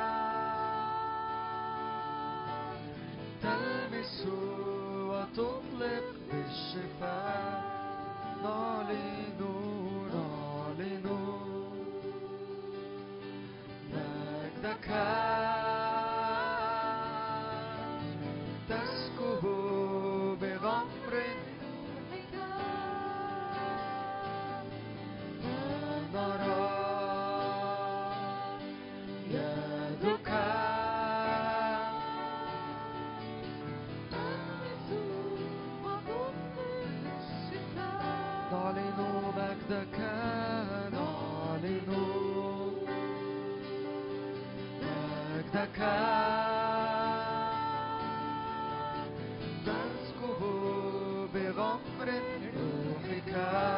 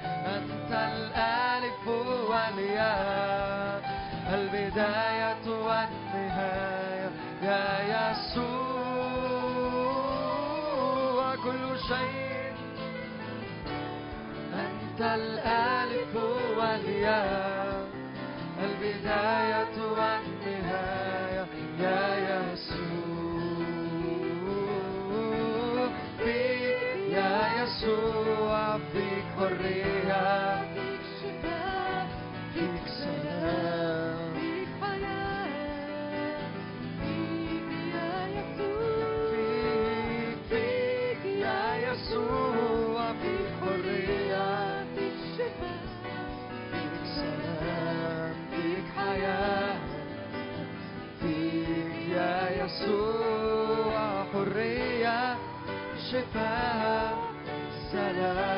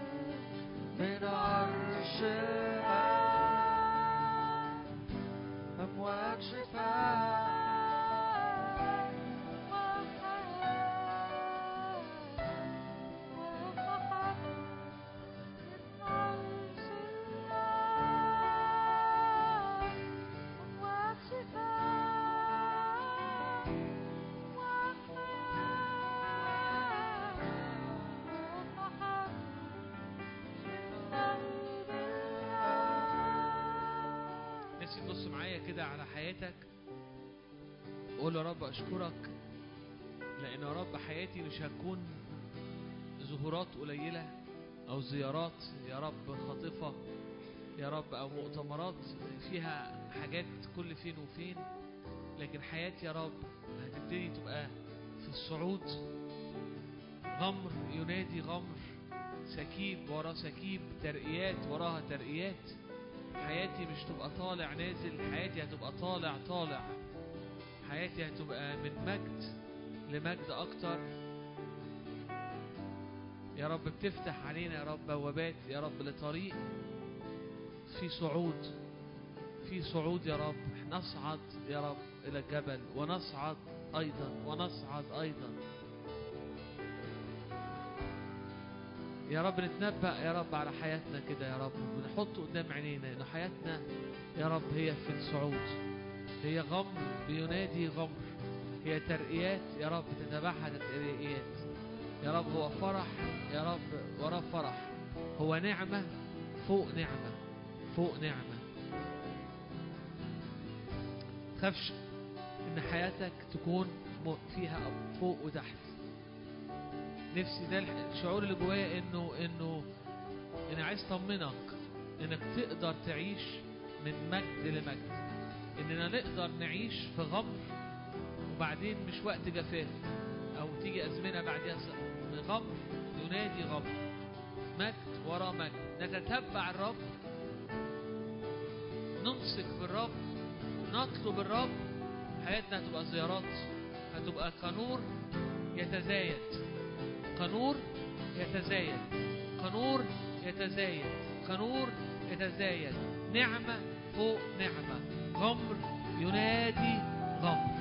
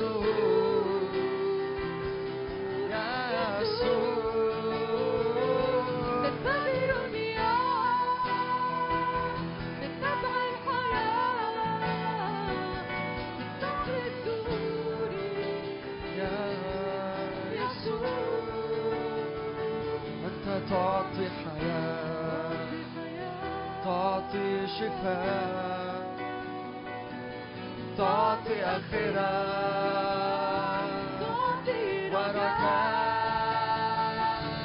تعطي حياة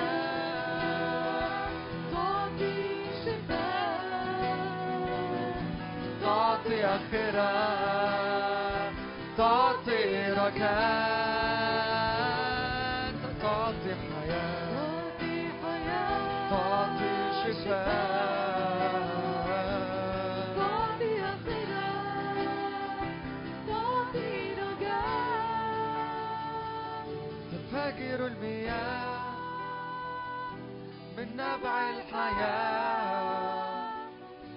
صخر الدهور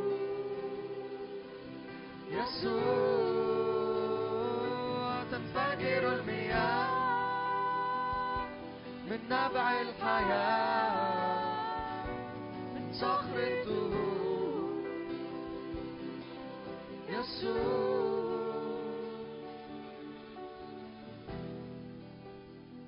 ارفع إيدك كده معايا آه، وإحنا بنختم وقتنا ده. قول يا رب شكرا لأجل حضورك شكرا لأجل عملك شكرا لأجل مسحتك شكرا لأجل يا رب شكرا لأجل عمل الروح القدس. يا رب بنؤمن إنه زي ما الكتاب بيقول كده وأصعدهم بأملاك جزيلة سلبوا المصريين. قولوا نعم يا رب أنا بسلب العدو نعم يا رب أشكرك لأجل كل سلب حصل في أراضي العدو في حياتي في هذا المؤتمر في اسم يسوع. كل أراضي العدو كان بيمتلكها كل أراضي العدو كان حاطط إيده عليها وأنا سلبتها منه. أشكرك لأني بصعد بأملاك جزيلة في اسم رب يسوع. هللويا. بنحبك يا رب بنحبك يزداد حضورك فينا وعلينا في اسم رب يسوع لكل المجد في اسم يسوع. آمين. آمين. آمين. آمين. رحبتوا بصمول يا جماعة. أنتوا عارفين صمول جاي من فين؟ لا عايزين ترحيب بقى زي ده وأحسن تاني.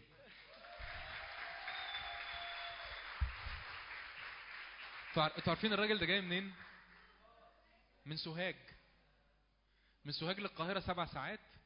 ده لو القطر ماشي مظبوط زود عليها ثلاث ساعات لإسكندرية ورجع النهارده. ربنا يباركك يا مصمر ربنا يباركك بس. هشارك ثلاث ثلاث ثلاث نقط يعني. أو أو نقطتين صغيرين والحاجة الثالثه هن هنستفيد فيها أكتر. بس إيماننا كده إنه إحنا لما جينا المؤتمر ده يعني المشاركة بتاعت الخميس أو اجتماع الخميس عموما اجتماع الخميس بالليل كان من أحلى الاجتماعات اللي أنا حضرتها آه، آه، من فترة طويلة شخصيا. والرب كان بيعمل حاجة عميقة و وأنا من تاني يوم يعني من الجمعة الصبح وأنا حاسس إن أنا مستمتع لأنه لأنه مهم التلاميذ يتقال عنهم كده إنه كانوا يواظبون كل يوم على تعليم الرسل والشركة وكسر الخبز والصلوات. في تعليم وفي صلاة وفي كسر خبز بس كمان في إيه؟ شركة. في إيه؟ شركة إن إحنا نبقى مع بعض إن إحنا نتحرك مع بعض إن إحنا نصلي لأجل بعض إن إحنا نقعد نحكي في المجموعة نقعد نحكي عن حنا وللأسف ما لحقناش نحكي عن يعقوب بس أكيد هنحكي في يوم من الأيام نقعد نحكي عن حنا وعن صمويل وعن وعن الرب يعمله في حياتنا. وامبارح أنا أنا مستمتع لأنه لأنه كان في فرصة ليا إني أتعرف على بعضكم أكتر. ففي ناس قعدت تحكي اختبارات آه، مش عايز أقول أسماء عشان ما حدش يعني يكسف أو ما أعرفش إيه اللي عايز يتعرف أو مش عايز يتعرف. بس في حاجات رب عملها عظيمة جدا في حياة ناس ملهاش علاقة بينا يعني مش حاجة مش حاجات إحنا حاجات ربنا عملها من سنين. فكانت حاجات ممتعة جدا إن إحنا نتعرف أكتر. على اللي الرب بيعمله فينا وفي وسطينا و... فأنا استمتعت بالمؤتمر الحقيقة. شكرا يا شادي. ما نسقف لشادي طيب.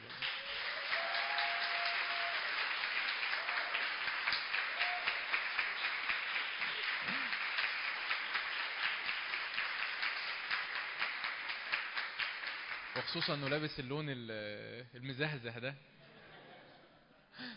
يعني إن هو يختار إنه يعمل حاجة غير معتادة يعني. ويصر عليها ويقرر ان هي تطلع بالشكل ده. ف والرب كان حاضر في كل فقرة يعني. نشكر الرب. افتح معي أشعياء 54 عدد 11 هشارك. ده العنوان الأول لأنه ده ال- الشاهد اللي الرب كان شاغلني بيه من قبل المؤتمر. و... وعايز أقول لك انه إنه ده حصل والرب لسه بيعمله. ثق إنه الرب دايما يعمله. أشعياء 54 عدد 11 يقول كده الرب عن صهيون وبروح النبوة عن الكنيسة أيتها الذليلة المضطربة غير المتعزية.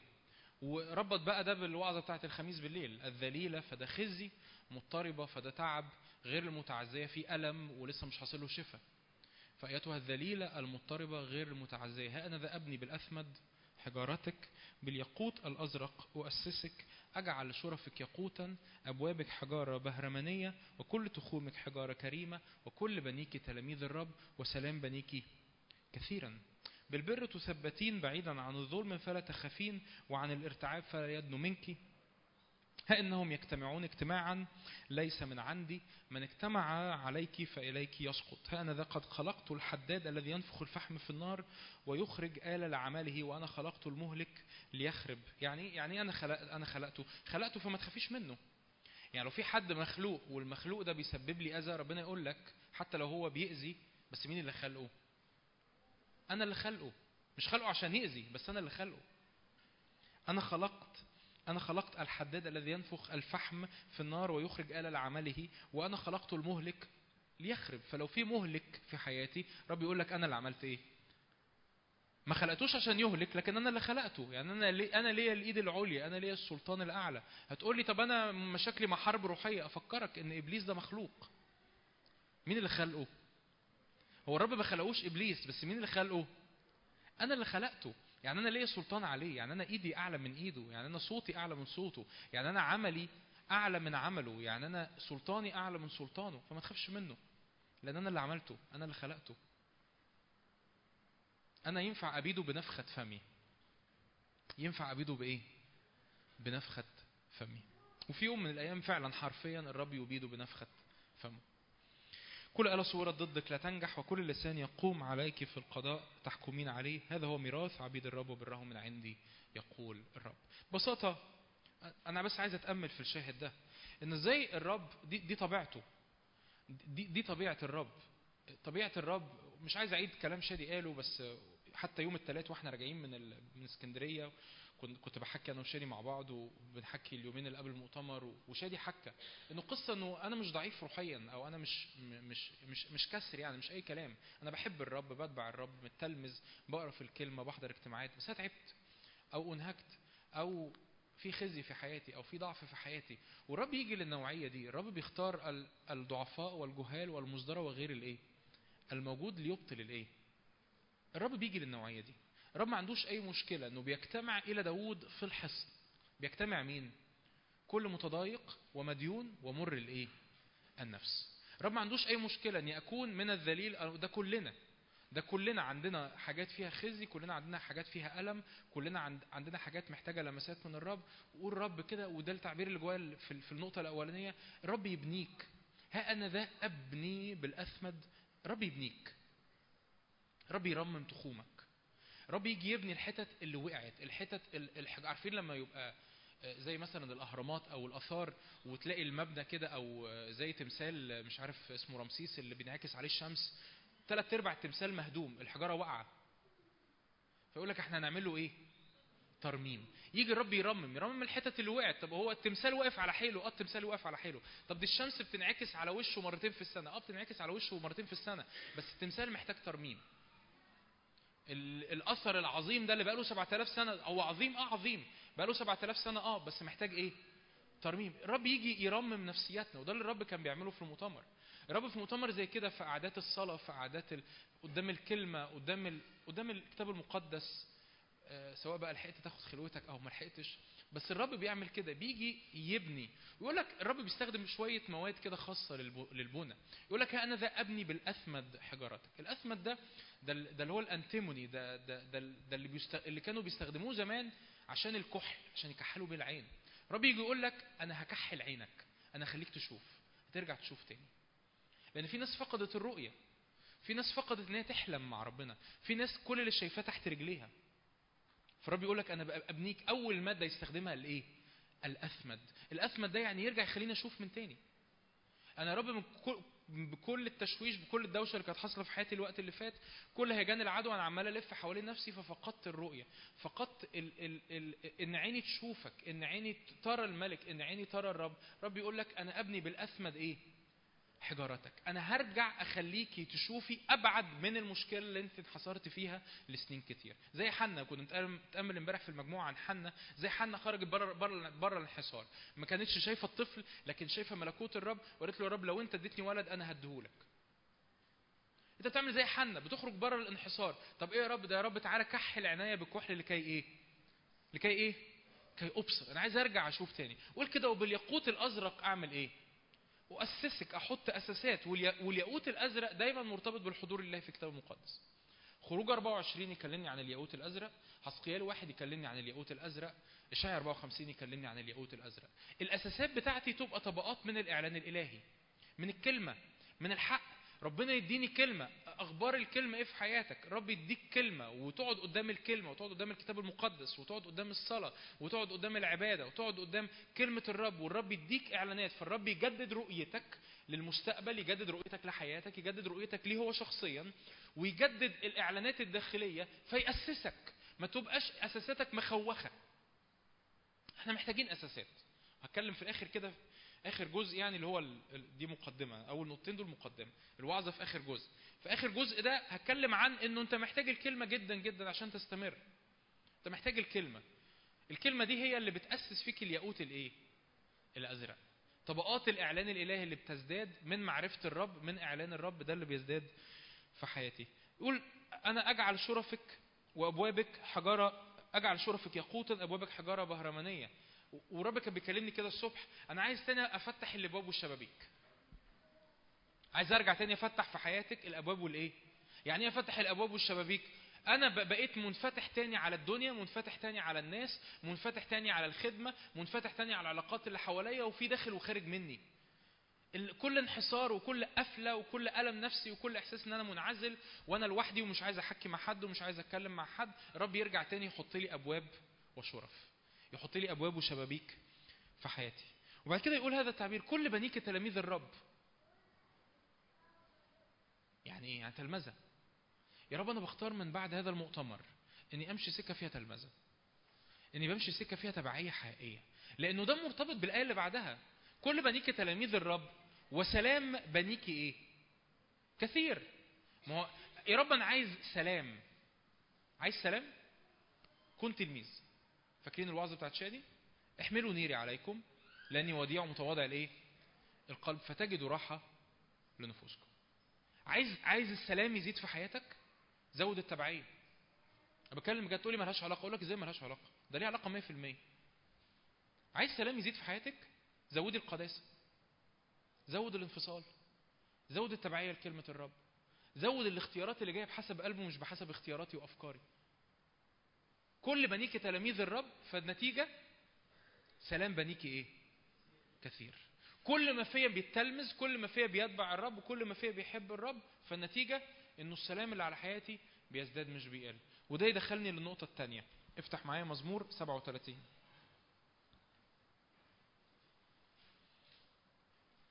عايز أعمل spot تاني على على شادي حاجة أتكلم عنها وشاعر إن هي ده حل ده, ده, ده حل مشكلة. كتير دايما إحنا متوقعين. أديك مثال. وكأني دخلت business فتحت مشروع فتحت شركة. وبعد ما فتحت الشركة الشركة ابتدت تخسر. والفلوس ابتدت تروح مني.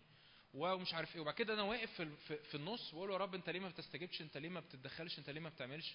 وما يطلعش المشكلة إن الرب يستجيب. يطلع المشكلة إن الرب يقول لي حبيبي الخطوة من الأول كانت غلط. بس كده؟ آه بس كده. طب إيه الحل؟ إنك تتراجع. دخلت مشروع ارتباط. يا رب ال ال الولد ده عايز ارتبط بيه يا رب البنت دي عايز ارتبط بيها. وتخطب وبتجهز في الشقة وكل مشاكل ومصايب. يا رب تعالى صلح علاقتنا يا رب تعالى آه، آه، يا رب خلينا مش بتكلم إن أنت متجوز عشان مش متجوز. بتكلم على قبل الجواز بتكلم على قبل الجواز. فأنت فيا رب الارتباط ده يا رب ال- العلاقه البنت دي يا رب اللذيذة بحبها الولد ده لذيذ بحبه. ومفيش استجابة. ليه مفيش استجابة؟ لأن رب مش مشيئته من الأساس إن أنت تتجوز هذا الولد أو تتجوزي هذه. أو أو تتجوز هذه البنت. ينفع؟ آه ينفع.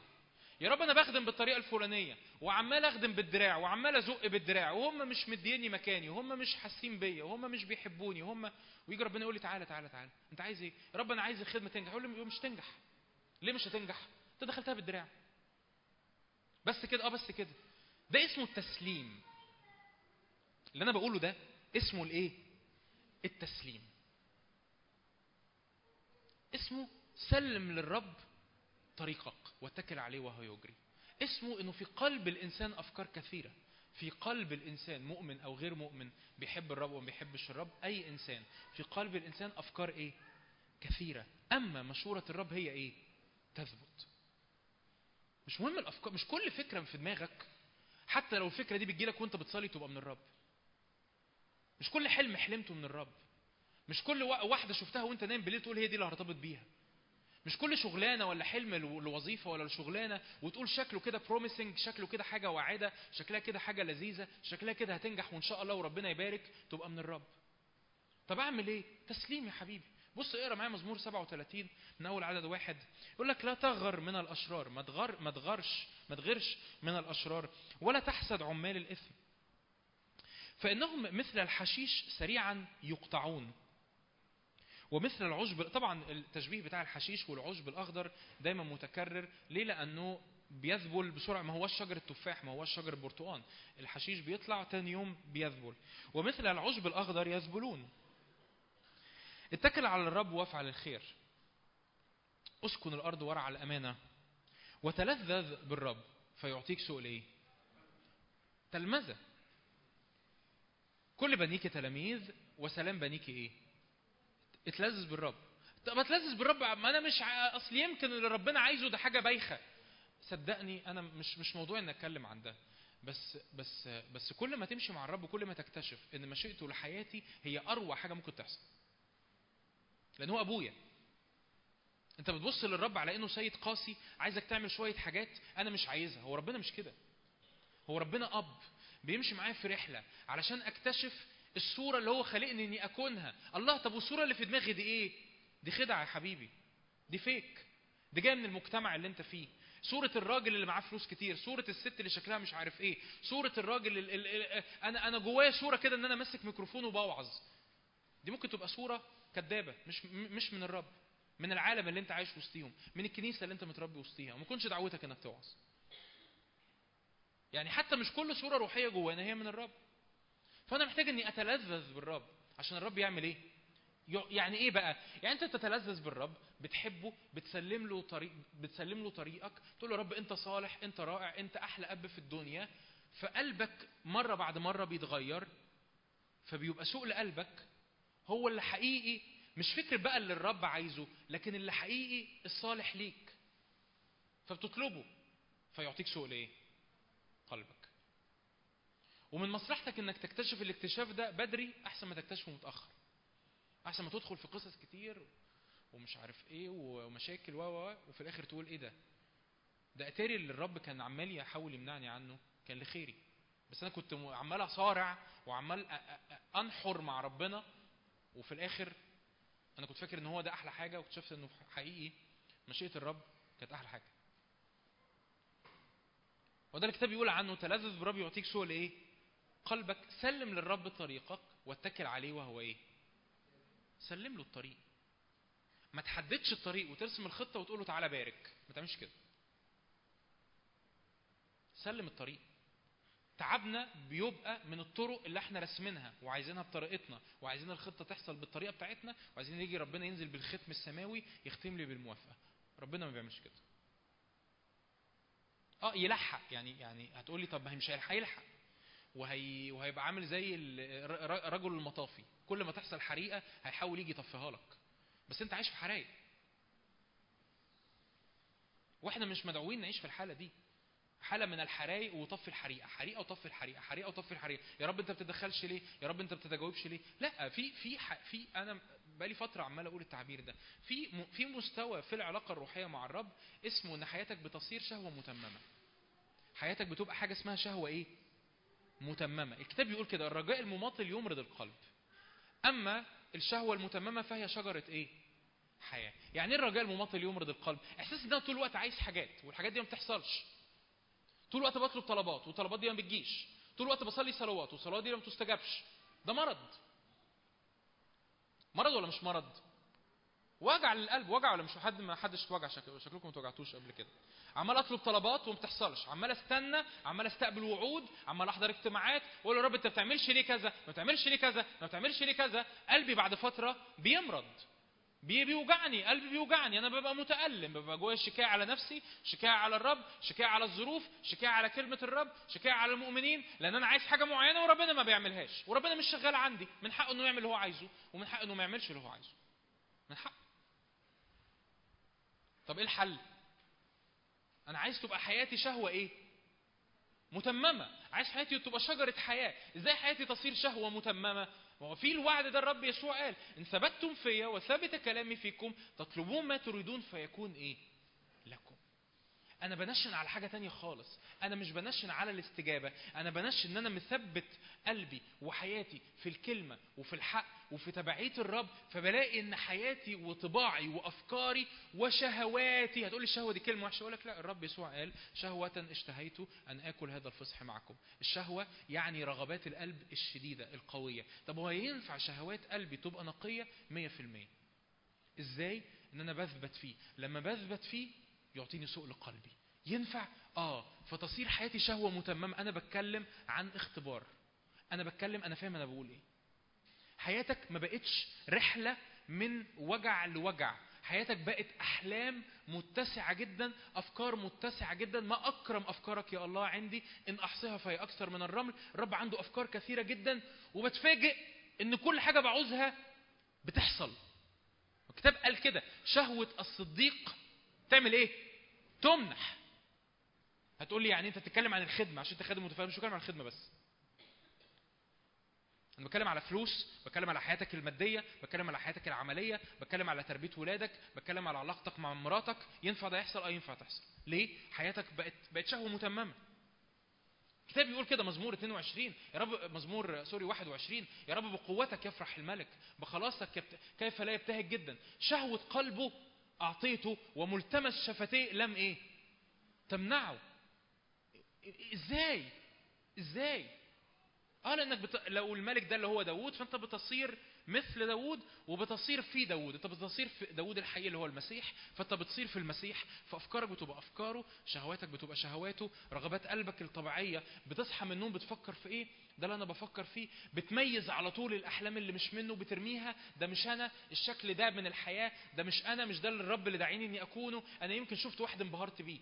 يمكن شفت واحد معاه فلوس انبهرت بالفلوس. يمكن واحد شفت واحد ماسك مايك وبيوعظ انبهرت بالوعظ. يمكن شفت واحد بيخدم بشكل معين انبهرت بطريقة الخدمة. فحسيت جوايا إن أنا عايز أبقى زيه. طب أعمل إيه؟ إيه ال test؟ ال test هو الوقت ال time ادي الحاجة وقت. في قلب الإنسان أفكار كثيرة مشورة الرب هي اللي بتعمل إيه؟ بتثبت مع الوقت ادي لها وقت.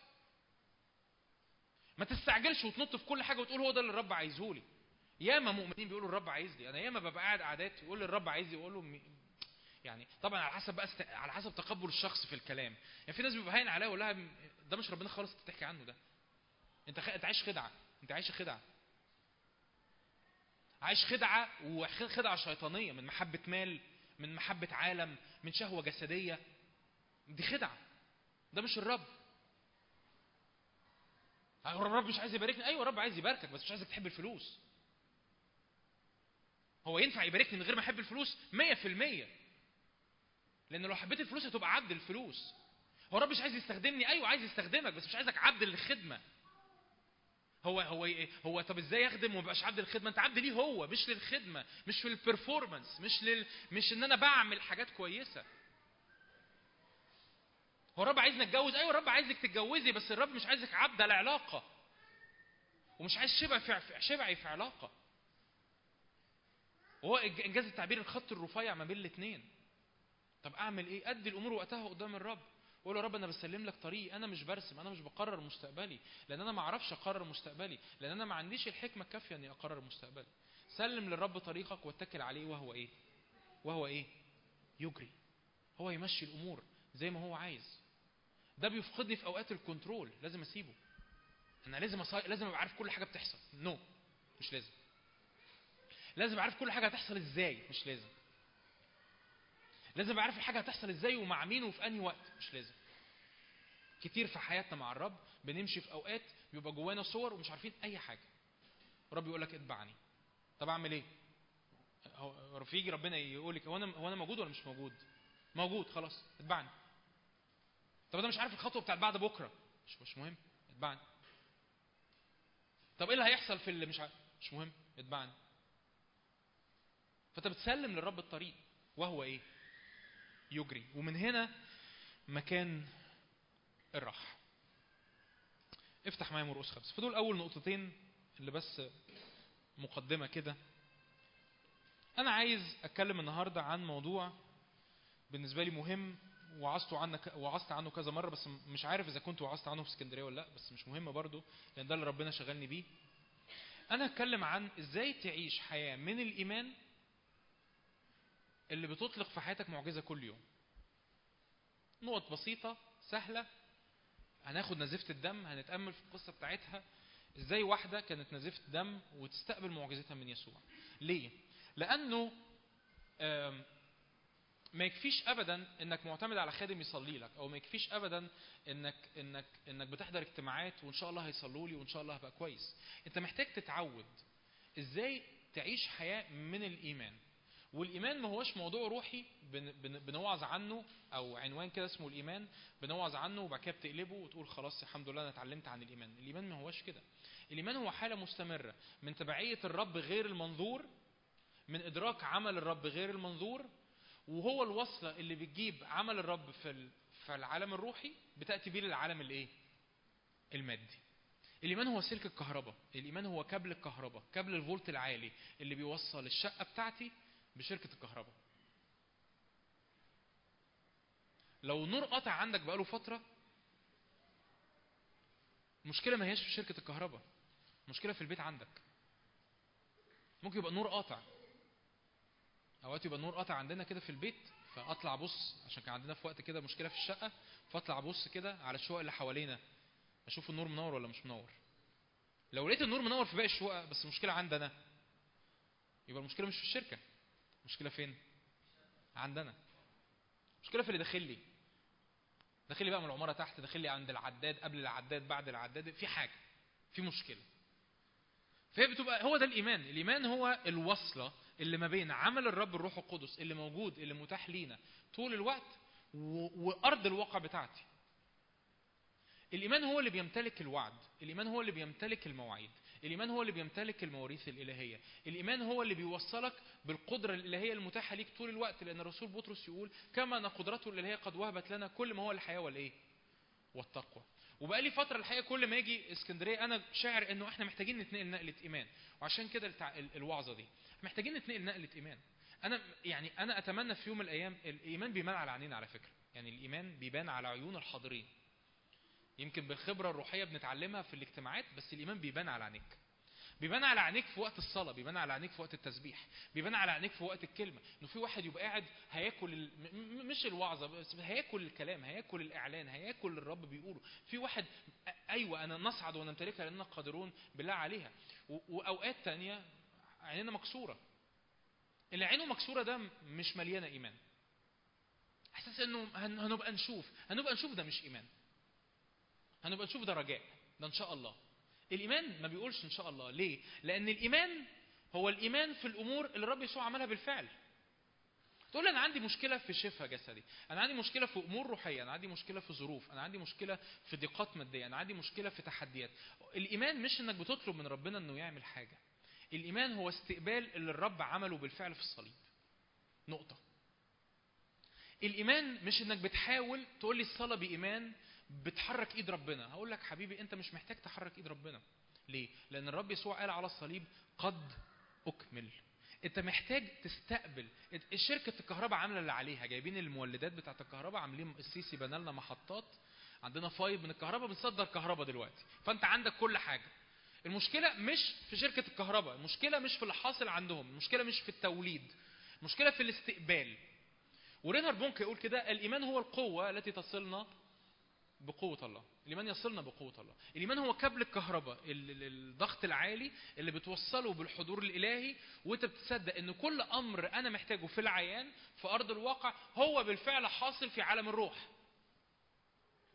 بالفعل موجود. رب يسوع بعد بعد ال- الجلدات وبعد الصليب يقول قد أكمل يقول كده الكتاب ألذي بجلدته إيه؟ شفيتم. طب أنا مريض آه، بص على الوصف. بص على الوصف. مكتوب كده الذي افتقر وهو الغني لكي نستغني نحن بفقره. رب يسوع افتق- افتقر ولا لسه هيفتقر؟ رب يسوع افتقر بالفعل عشان يغنينا. والرسول بولس بيتكلم على الظروف المادية بيتكلم على الفلوس. طب أنا عندي مشكلة مادية. أنت بتقف بإيمان بالوعد قدام الرب وهنشوف إزاي. وتعلن كده يا رب أشكرك لأنك افتقرت وأنت الغني لكي تغنيني بفقرك. هو ده الإيمان. الإيمان بيبص الأمور هي خلصانة. إن عندي حساب روحي عندي حساب في البنك الروحي. الحساب ده فيه شفاء فيه حرية فيه تسديد الاحتياجات المادية فيه سلام لظروفي فيه سلام لعلاقاتي فيه بركة لأرضي في مسحه لخدمتي في هبات روحية. وبقى مصدق انه يا رب كل أمر أنت عايز تحطه في حياتي كل أمر أنت عايز تعمله في حياتي هو بالفعل قد إيه؟ أكمل. هو خلصان. هو خلصان. اللهم اللي مش حاصل ليه؟ مش حاصل لأنه النفسية المصرية بتاعتنا وكسره النفس المصرية بتاعتنا واللي كان شادي بيتكلم عنه يوم الخميس وعدم الإيمان. والإيمان قوة. الإيمان قوة. أنا بحب الإيمان جدا. من الموضوعات اللي أنا بحبها جدا. أحب إن يبقى في وسطينا رجالة إيمان. رجالة يعني ذكور وإناث. رجال إيمان. في في ناس تقابله وتحس إن هو رجل إيمان. يعني رجل إيمان. يعني بيتحرك بالإيمان. مش عايش بحسب المشاعر مش حاسب مش عايش بحسب المنظور مش وللأسف أوقات عملنا لخبطة للأسف بايخ ما بين النبوة والنبوه والسلوك بالمشاعر. وتمييز الأجواء الروحية والسلوك بالمشاعر. مفيش حاجة اسمها كده. إنك تميز مش معناه إن دي حالتك. أصل الجو مقفول عندنا. okay أنت ميزت؟ هللويا. أنت حالتك إيه؟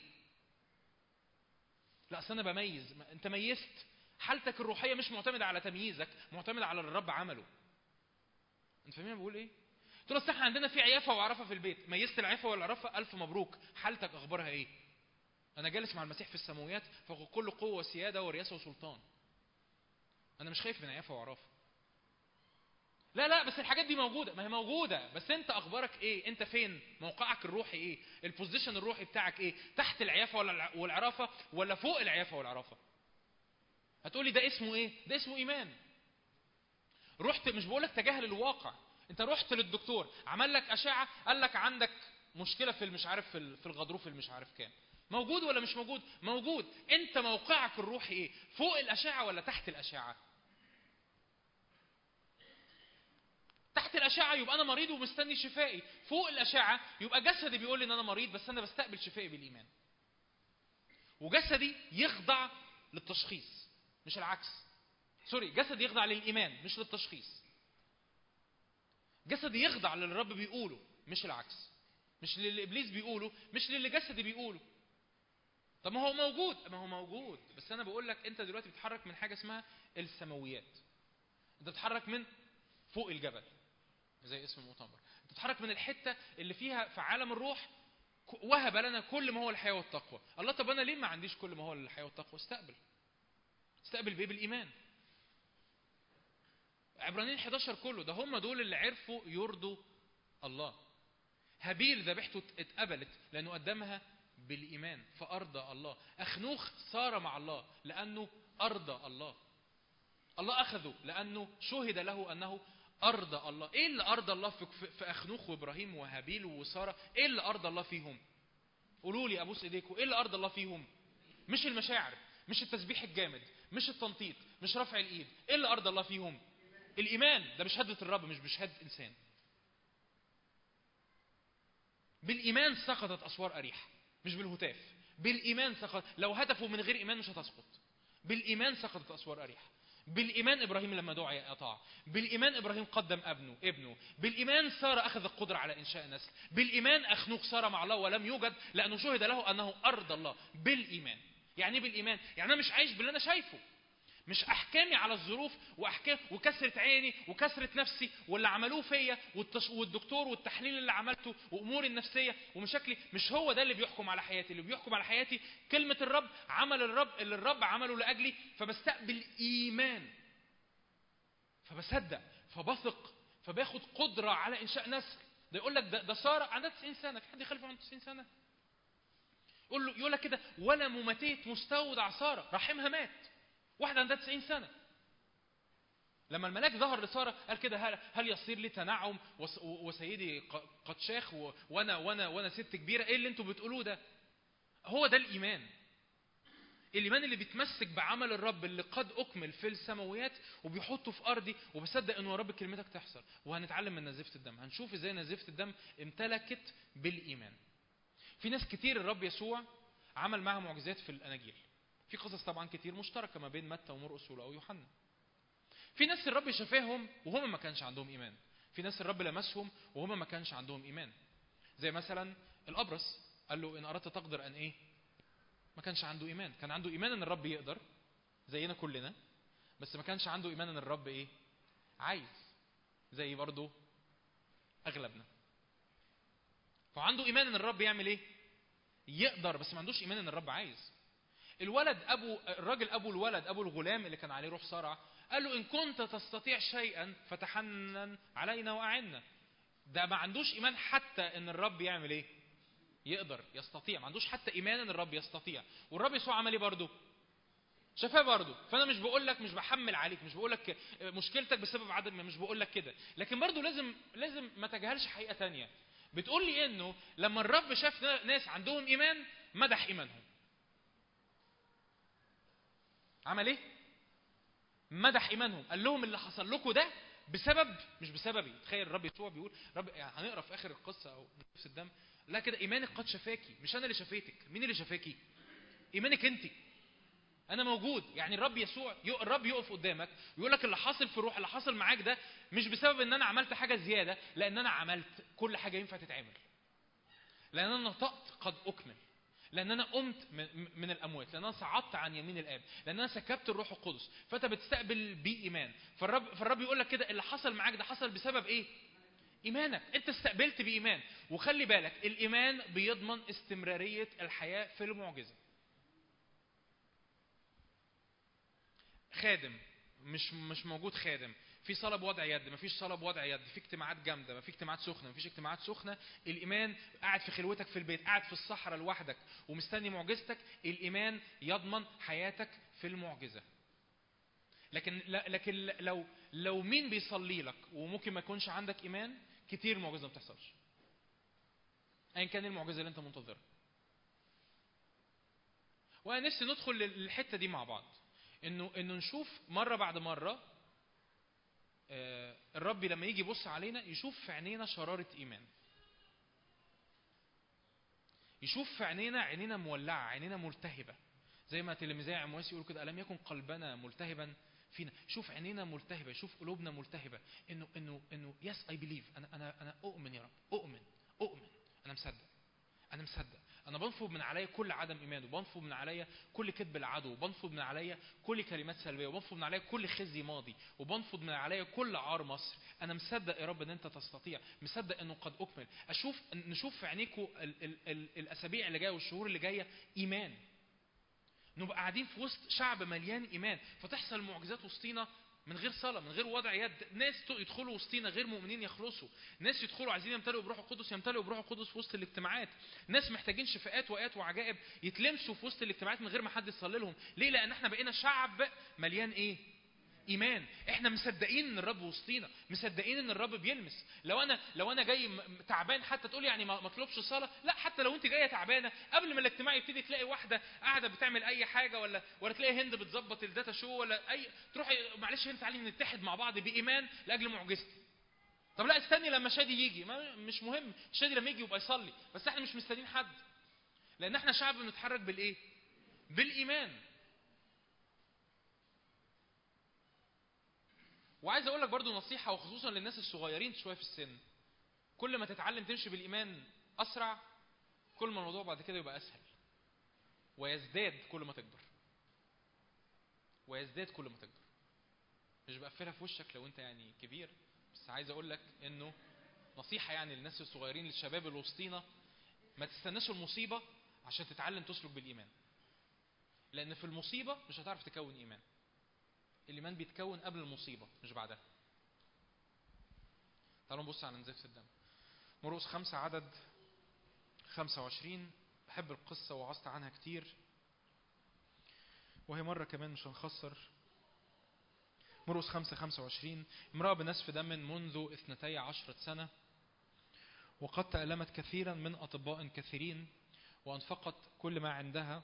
ولم تنتفع شيئا بل صارت إلى حال أردى واحدة مريضة عندها نزيف دم بقى لها 12 سنة صرفت كل عيشتها صرفت كل فلوسها على أطباء كثيرين ما استفادتش حاجة, حاجة لكن بالعكس صارت إلى حال إيه؟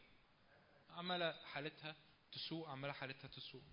لما سمعت بيسوع جاءت في, جاءت في الجمع من وراء ومست ثوبه لأنها قالت إن مسست ولو ثيابه شفيت. فالوقت جف ينبوع دمها وعلمت في جسمها أنها قد برأت من الداء. فالوقت التفت يسوع بين الجمع شاعرا في نفسه بالقوة التي خرجت منه وقال من لمس ثيابي؟ قال له تلاميذك أنت تنظر الجمع يزحمك وتقول من لمسني؟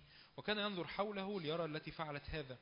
أما المرأة فجاءت وهي خائفة ومرتعدة عالمة بما حصل لها فخرت وقالت له الحق كله قال لها يا ابن إيمانك قد شفاك اذهبي بسلام- وكوني صحيحة من قصة معروفة مشهورة توعظناها كتير. هاخد منها خمس نقط. نتعلم منها ونصلي أول حاجة ست يتقال عنها كده امرأة بنسف دم لما سمعت بيسوع. إيه أول أنا عايز أقول لك خمس حاجات عملية تبني بيها إيمانك. إزاي تبني إيمانك؟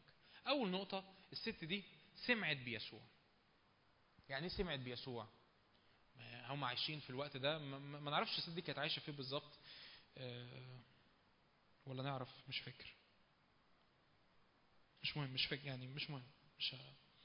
فالست عايشة في مدينة ما كانش فيه social media ما كانش فيه انترنت ما كانش فيه تليفونات ولا موبايلات بس عمالة تسمع أخبار إن في واحد معلم اسمه يسوع بيعدي وسط الناس جميع من لمسونا له الشفاء.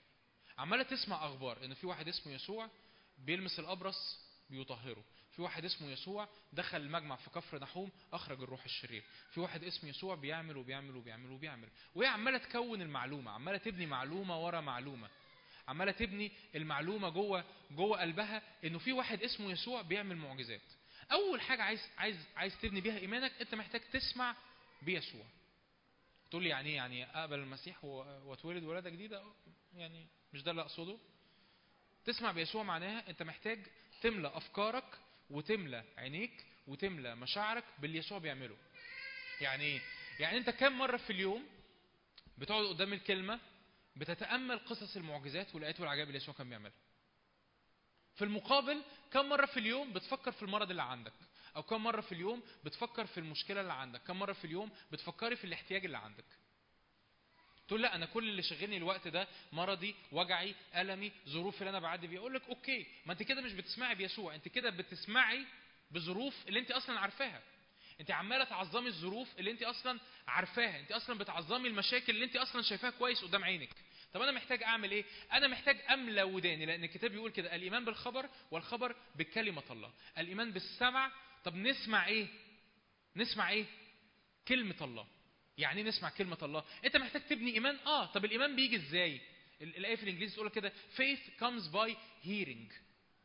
Faith comes by hearing. الإيمان يأتي من خلال الايه؟ السمع. طب أنا محتاج أسمع. هتسمع إيه؟ أنت عايز تكون إيمان ناحية إيه؟ ما هو اللي أنت هتملى بيه مشهدك ولا هتملى بيه عينيك ولا هتملى بيه ودانك هو اللي هيبقى الواقع بتاعك.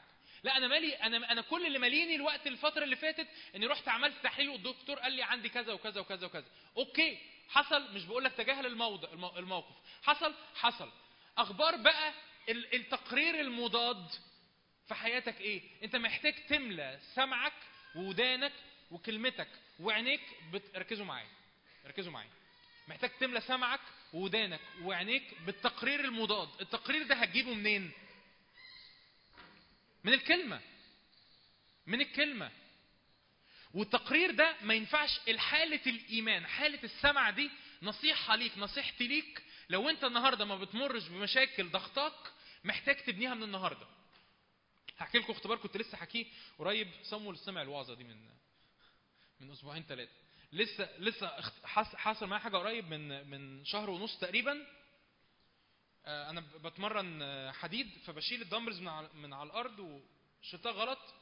فمرة واحدة حسيت كده بحاجة زي طقه في نص ظهري من تحت خط كهرباء وما عرفتش اتفرد قعدت أتسند على الحيطة كان معايا ساعتها هاله كانت مسافرة كانت غالبا في اسكندرية. وقعدت أتسند على الحيطة لعدت لح- لحد ما وصلت الأوضة اليوم ده كله ما عرفتش أتحرك ومامتي جات لي وبتاع اكتشفت إن أنا عملت حاجة والحاجة دي مش بقول لك إن أنا عملتها لأن أنا جدع أو عملتها لأن أنا كنت مركز. بس اكتشفت إن أنا كنت بعمل حاجة وأنا بتسند على الحيطة لحد ما نمت على السرير عمال أقول يا رب أنا بجلدتك شوفيت يا رب أنا بجلدتك شوفيت يا رب أنا مش فاهم إيه اللي حصل أنا مش دكتور ومش فاهم إيه اللي حصل لي. بس عمال أقول يا رب أنا بجلدتك شوفيت يا رب أنا بجلدتك شوفيت يا رب أنا بجلدتك شوفيت لحد ما اترميت على السرير. أنا عايز أقول لك إيه؟ أنا تاني يوم بقيت أتحسن يعني تاني يوم اتحسنت تالت تالت يوم يعني أنا خفيت خفيت ثلاث أربع أيام نزلت تاني يعني. اللي فهمته يعني ال- الدكاترة قالوا لي إن ده حاجة اسمها آه، آه، مزق في في القطنية. أشكر ربنا ما كانش حاجة في الأعصاب ولا حاجة في العمود الفقري. ال- المزق في القط- القطنية ده المفروض بيقعد له شهرين يتعالج. أنا بعد ثالث أو رابع يوم رجعت ألعب رياضة تاني. وهلا حتى عمالة تقول لي اللي أنت بتعمله ده بس يعني. اللي عايز أقوله إيه؟ انه إنه أنت ما ينفعش تستنى المصيبة السوداء عشان تقول أنا هجدد إيماني. أو هبتدي أشوف ربنا بيقول إيه عن الشفاء. لا يا حبيبي أنت محتاج يبقى رد الفعل التلقائي اللي طالع منك إنه أنا بجلدة الرب شفيت. طب ده تكون إمتى؟ ده ما تكونش في المرض ده تكون في الرحب إنجاز التعبير. مخزون الإيمان ده مش بتكونه في المصيبة. مخزون الإيمان ده بتكونه في الوقت اللي أنت فيه كويس.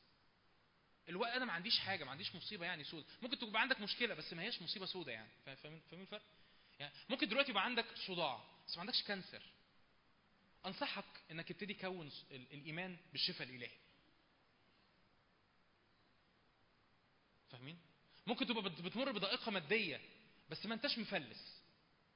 أنصحك إنك تبتدي تكون إيمان اللي مرتبط بإن الرب هو رعايه اللي بيسدد كل احتياج ما تستناش لما المصيبة تحصل وتجري بتدور على علاج عند الخادم ده والخادم ده والخادم ده وتقول له معلش تعالى علمني عن الشفاء وتعالى علمني وتعالى صلي لي عشان أنا مقيد وتعالى صلي لي عشان أنا ظروفي سودة وتعالى صلي انت انت أنت كنت فين؟ أنت كنت فين؟ أنا بتكلم بجد أنا في ناس بتقابلني ساعات ناس ياخدوني زيارات واحد م م عنده عنده مش عارف كام سنة صغير وعدى عليه مراحل كتير في العنايه المركزه ومش عارف إيه والراجل هو خلاص اللي هو اللي هو تعالى بس إيه هو خلاص هو بيموت. طب طب أنتوا كنتوا فين يا جماعة؟ يعني ليه بنستنى ليه بنستنى لما نوصل المرحلة دي عشان نبتدي نفتكر الرب؟ ليه بنوصل المرحلة دي عشان نبتدي نفتكر آه لأ قالوا لنا بقى أنا سمعت وعظة من 14 سنة عن الإيمان وعن الشفاء. أنت مستني النهارده؟ أنت محتاج تكون المخزون ده. المخزون ده هيتكون إزاي؟ إزاي؟ بالكلمة. ما عندكش بديل ما عندكش حاجة تانية تسمعها. انت محتاج تكون مخزون من الكلمة مخزون من الحق الكتابي مخزون من الحق الإلهي اللي يوقفك بإيمان اللي لما يعدي عليك الظروف السوداء الموضوع بالنسبة لك محسوم الرب رعايا فلا يعوزني شيء. أنا هو هو هو جديد عليا إن الرب رعايا ما أنا عارف إن الرب رعايا أنا كتير لما بت- بتضغط لما بعدي حتى بأمور مش مش بس لنفسي لكن لأجل ناس تانية أروح فاتح الكلمة على المواقف اللي الرب يسوع عمل فيها الاحتياج اللي أنا عايزه. انت عايزه إيه النهارده؟ عايزه شفاء قريتي قريتي عن معجزات الشفاء كم مرة الفترة اللي فاتت؟ لا أصل أنا لما بقرأ ال- الحاجات دي بيجي لي إحباط. يجي لك إحباط ليه؟ بالعكس أنت بتشوف الرب عمل إيه مع ناس تانية فتتوقعي إنه يحصل معاكي. لا أنا أنا أنا عندي مشكلة مادية. اقعد اقرا قصص الخمس خبزات والسمكتين والسبع والسبع خبزات وصغار السمك واقعد اقرا مزمور سبعة آه، آه، 23 ومزمور 37 ومزمور 34 واقعد رددهم واقعد الهك فيهم اقعد كون الصورة الداخلية لأن دي تاني حاجة المرأة نزفت دم عملتها. قالت في نفسها لو مسست هد ثوبه إيه؟ شوفيت يعني إيه قالت في نفسها؟ قعدت تتأمل في, في يا سلام ما أعرفش اسمها إيه يعني ما ولا اسمها إيه؟ نفترض انها اسمها نرجس مثلا. تقوليش اشمعنى نرجس؟ هي اسم جه في دماغي. نفترض اسمها نرجس ومفيش حد هنا اسمه نرجس. حد اسمه؟ ما حدش اسمه. نفترض إن اسمها يا سلام يا بنت يا نرجس لو يسوع إيه؟ عدى عليك. يا سلام يا نرجس لو يسوع عدى بعد الظهرية عليكي طب أعمل إيه؟ طب يا ترى ممكن تبقى الدنيا زحمة؟ مش مهم. ده أنا لو مسست هد بثوبه بس شوفيت دي صورة بتتكون. أنت بتاخد الكلمة بتسمع بيها نفسك بتفكر بيها نفسك وبتكون صورة داخلية. صورة داخلية لمنظرك وانت مشفي صورة داخلية لمنظرك وانت بتخدم. صورة داخلية لمنظرك وانت حرة. صورة داخلية لمنظرك وانت احتياجاتك مسددة. صورة داخلية لمنظرك وانت بتتبع الرب. فالصورة اللي انت بتتخيلها عن نفسك لما تيجي تبص في المراية إنجاز التعبير لما تيجي تتخيلي عن نفسك وانت نايمة مش بتقولي آه يا وجع أنا بكرة هصحى الصبح وهفتكر تاني المرار. لأ. انت بتتأملي في الصورة الداخلية اسمها ان لو مسست هود بثوبه إيه؟ شوفيت يا رب أنا بتأمل بالصورة الداخلية ان أنا صحيحة ان أنا قوية ان أنا م... ان أنا مستخدم ان أنا ممسوح ان أنا ممتلئ بالروح القدس ان أنا مفكوك من كل عار ومن كل خزي ان أنا عرفت اغفر. فالصورة الداخلية اللي أنا عمال اقلبها جوايا ما هيش صورة الألم ما هيش صورة الاحتياج لكن أول حاجة أنا سمعت نفسي بأخبار يسوع. هو يسوع ده مين يا جماعة؟ يسوع ده الرب الإله القادر اللي جاي ليصنع خير يشفي جميع المتسلط عليهم. إبليس، يسوع ده أنا أقعد أقلب في المعجزات، أقعد أقلب في قصص الشفاء، أقعد أقلب في قصص أعمال الرسل، أقعد أقلب في قصص ال- ال- اللي الرب عملها، العظائم اللي الرب عملها، الرب وبخ التلاميذ، كنت بشارك كده بالقصة دي امبارح في المجموعة، الرب وبخ في التلاميذ في مرقس 8 التلاميذ راكبين السفينة ومعاهم يسوع. ورب يسوع عايز يعلمهم مبادئ روحية. قال لهم كده تحرزوا من خمير هيرودس وخمير الفريسيين. فقالوا أول فكرة نطت في دماغنا إحنا معناش عيش. عيش إيه يا ابني؟ عيش إيه يا ابن الحلال؟ رب يسوع بيكلمهم عن مبادئ روحية. خلي بالك من خمير الفريسيين وخمير هيرودس. بيكلمهم عن التدين. خلي بالك من التدين وخلي بالك من السياسة وال... وال... وال... واللف والدوران. أول حاجة أول فكرة نطت في دماغي هي إيه؟ أنا أنا فعلا أنا معياش عيش. عيش إيه يا ابني؟ وده بيحصل معانا كتير. ربي ربي يقول يجي يقول لك المجد. أول حاجة آه مجد أنا أيوه المجد دي وعظة حلوة سمعتها من سنتين وبعدين أنا عايش في خزي. إيه يا ابني اللي أنت بتقوله الشفاء والايات وال... آه أنا افتكرت ابن عمي اللي صلينا له مات يا ابني افتكر يا ابني ركز يا ابني في اللي بقوله. ربي يسوع يقول لك يا ابني ركز في اللي بقوله. ركز في اللي بقوله. لماذا تفكرون أن ليس معكم خبز؟ واحد يجي يحكي اختبار ما أعرفش أعتقد هيبقى في فرصة في الاختبارات في الآخر مش عارف شادي واحد يجي يحكي اختبار يقول أنا الرب لمسني أول حاجة تنط في دماغي آه بس الرب ما لمسنيش. يا ماما افهمي. يا حبيبي افهم. اللي الرب عمله مع غيرك ده عربون لامتلاكك أنت. ما الرب ما عندوش خيار وفقوس ما عندوش واحد مميز والتاني وابن البطة السوداء. ما عندوش. فالرب يقول لهم ألا تذكرون؟ يقول لهم كده اقرأ بقرأ مرقس 8 ألا تذكرون؟ ألا تشعروا ألا تشعرون؟ ألا تفهمون؟ أحتى الآن قلوبكم غليظة؟ ورب يسوع يحكي لهم أنتم مش فاكرين لما كان معانا خمس خبزات وسمكتين؟ وشبعنا بيهم ال 5000 مش فاكرين لما كان معانا السبع خبزات وشبعنا ال 4000 يقول لهم كده في الآخر أحتى الآن لستم تفهمون؟ وبعد كده ما يتكلمش بقى يعني اللي أكتر حاجة بتعجبني في القصة دي إن الرب يسوع في الآخر نفسه بتتسد وبيحكيش عن خمير في هيرودس ولا خمير الفريسيين بيحكيش خلاص- ما ما, في مش لاقي مش لاقي أرضية مش لاقي أرضية مش, مش عارف يقول إيه. وكتير الرب يجي يكلمك عن مجد يجي يكلمك عن قوة يجي يكلمك عن شيء بس يا رب المرأة طيب يا ستي طيب طبعا مش دايما الرب بيعمل كده لأن أوقات الرب بمراحم يروح متكلم تاني وتالت ورابع بس يعني ما تسدش نفسه. بتكلم بجد. أوقات بنسد نفس الرب. بتكلم بجد. اوقات بنسد نفسه.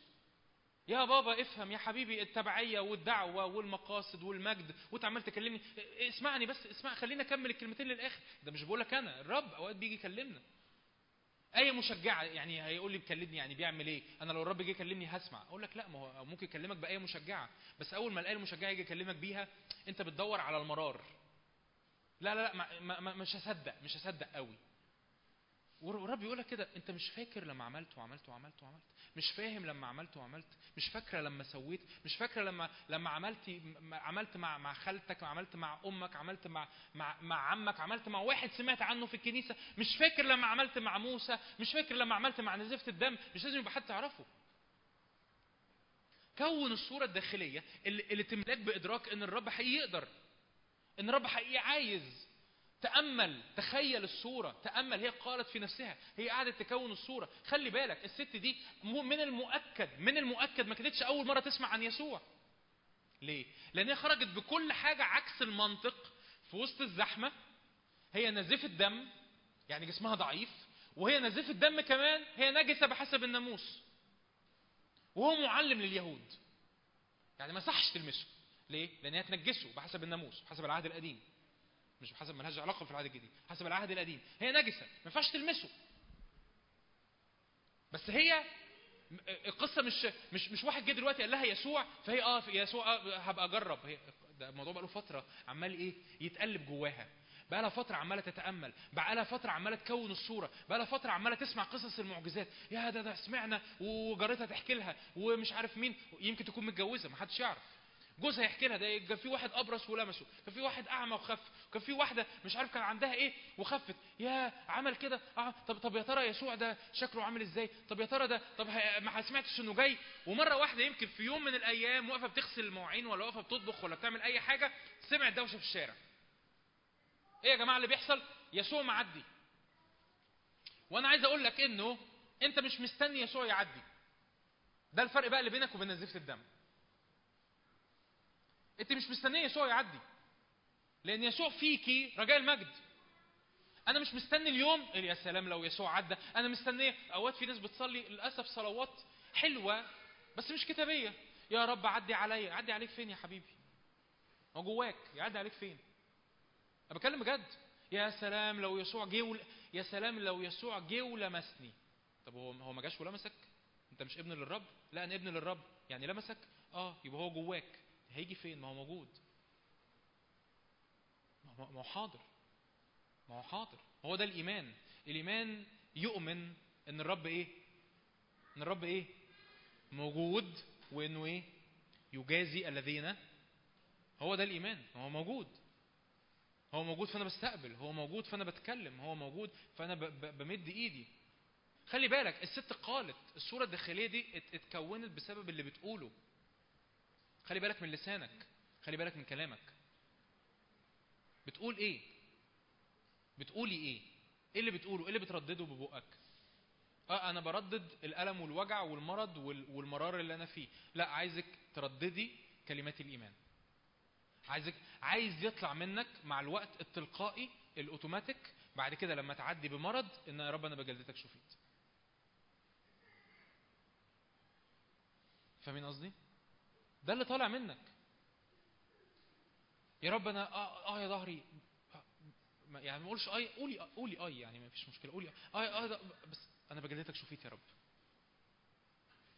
طب ما اشاركش إخواتي يعني يعني أروح أقول لهم إيه يعني أنا دلوقتي عندي مرض وعملت التحليل والتحليل طلع وحش ما أقولهمش تحليل وحش. لا لا روح يقول لهم على فكرة بص يا شادي هو أنا التحليل طلع وحش. بس أنا مصدق إن أنا بجلدة الرب وال- واللي الرب عمله واللي الرب بيعمله يغير التحليل اللي جاي فاهمين قصدي؟ مش بقول لك كن مغيب أو إلغي الواقع. يعني ما أحكيش طب أنا ظروفي المادية صعبة. okay بس صدق إنه يا رب أشكرك لأنك افتقرت وأنت الغني لكي أستغني أنا بفقرك. فأنا بعلن الكلمة بعلن الحق هو ده اللي بقوله. أنا بقول يا رب أشكرك لأنه إن مسست هدب ثوبك شفيت. اشكرك لأنك موجود لأنك حاضر لأنك تلمس لأنك تبرئ. يعني أعمل إيه؟ هو ده اللي بقوله تعمل إيه؟ يعني كل ده بتكلم مرحلة تكوين الإيمان قبل استقبال المعجزة. مرحلة تكوين الإيمان إن حضرتك بتقعد تفكر نفسك باللي يسوع عمله بتقعدي تتأملي تكوني صورة داخلية هيبقى شكلك عامل إزاي لو المعجزة حصلت؟ أنا مريض هيبقى شكلك عامل إزاي لو خفيتي؟ أنا عندي مشاكل مع مراتي هيبقى شكلك عامل إزاي؟ لو مشاكلك مع مراتك دي خفت. الصورة الداخلية اللي جواك وأنت بتصلي وأنت بتحلم نايم قايم بتتخيل سلام في البيت. أنت بت- بتشوف كده بتتخيل سلام في البيت. بتتخيلي هدوء بتتخيلي راحة بتتخيل فرح. هو دي الصورة اللي أنا بشوفها. طب إيه اللي بقوله؟ كلمة الرب. بقول إيه؟ كلمة الرب. بقول سلام. فاكرين الشونامية السلام لك. السلام للولد. السلام أبو الولد. قالت إيه؟ سلام. سلام. هي دي الشونامية سلام. أيوة سلام. بس كل حاجة بتقول انزعاج. ما أنا مش بتحرك من العيان أنا بتحرك من الإيمان. تالت حاجة. أنا قلت تالت حاجة. اتحرك عكس العيان. الست خرجت بره البيت عكس كل عيان عكس كل حاجة محوطها فأول حاجة السمع تاني حاجة كون الصورة الداخلية تالت حاجة اتحرك عكس العيان يعني لو العيان بيقول لك آه انت انت مريض ما, ما تنزلش الخدمة مش عايز أقول حاجة. في كورونا ما ينفعش تعمل مؤتمرات. بس إحنا عندنا إيمان في حاجة اسمها حماية. في حاجة اسمها إن الرب يغطينا بدمه وبعهده. مش بقول كن مستهتر بس تحرك بقيادة الرب. مثلا في مرض فأنا مش هنزل الخدمه بس الرب يديني قوة في جسدي. حتى لو المرض لسه ما خفش الآخر بس الرب يديني قوة في جسدي. لا أنت ما أنت أنت عند أنت مزنوق ماديا ما تديش عشورك. لا الإيمان بيقول أنا هدي عشوري حتى لو أنا مزنوق ماديا. هو ده الإيمان؟ فاهمين قصدي؟ العيان بيقول لو ذاكرت الدكتور هيسقطنا الايمان بيقول أنا هذاكر وهعمل اللي عليا وماليش دعوة بالدكتور والرب يتدخل. العيان بيقول لو اجتهدت في شغلي مديري كده كده مش هيرقيني الايمان بيقول أنا هجتهد وهعمل اللي عليا والرب يقضي. ده الإيمان. فانت بتسلك عكس الإيه؟ عكس اللي أنت شايفه عكس المنطقي عكس اللي حاصل على الأرض. لأن أنت بتبص بحسب كلمة الرب وبحسب وعد الرب في الآخر. رابع حاجة استقبال المعجزة. دي اللحظة اللي أنا اللي أنا ب- بسميها كده الإيمان اتكون في قلبك. استقبال المعجزة مش معناه إنه حصل في أرض الواقع. في فرق بين استقبال المعجزة في الروح واستقبال المعجزة في العيان. أنا بتكلم دلوقتي على استقبال المعجزة في الروح. ده اللي الكتاب بيقول عنه في فيليب أربعة لا تهتموا بشيء بل في كل شيء بالصلاة والدعاء مع الشكر لتعلم طلباتكم إيه؟ لدى الله. إيه بقى الجملة اللي بعدها؟ وسلام الله الذي يفوق كل عقل يحفظ قلوبكم وإيه؟ وأفكاركم في المسيح يسوع. تعرف منين إنك استقبلت المعجزة في روحك؟ السلام إن جواك صوت بيقول إن الأمر اتحسن. طب ما حصلش. خلاص يعني يعني هو it's matter of days يعني هما يومين ثلاثة أو حتى شهرين ثلاثة الموضوع هيحصل.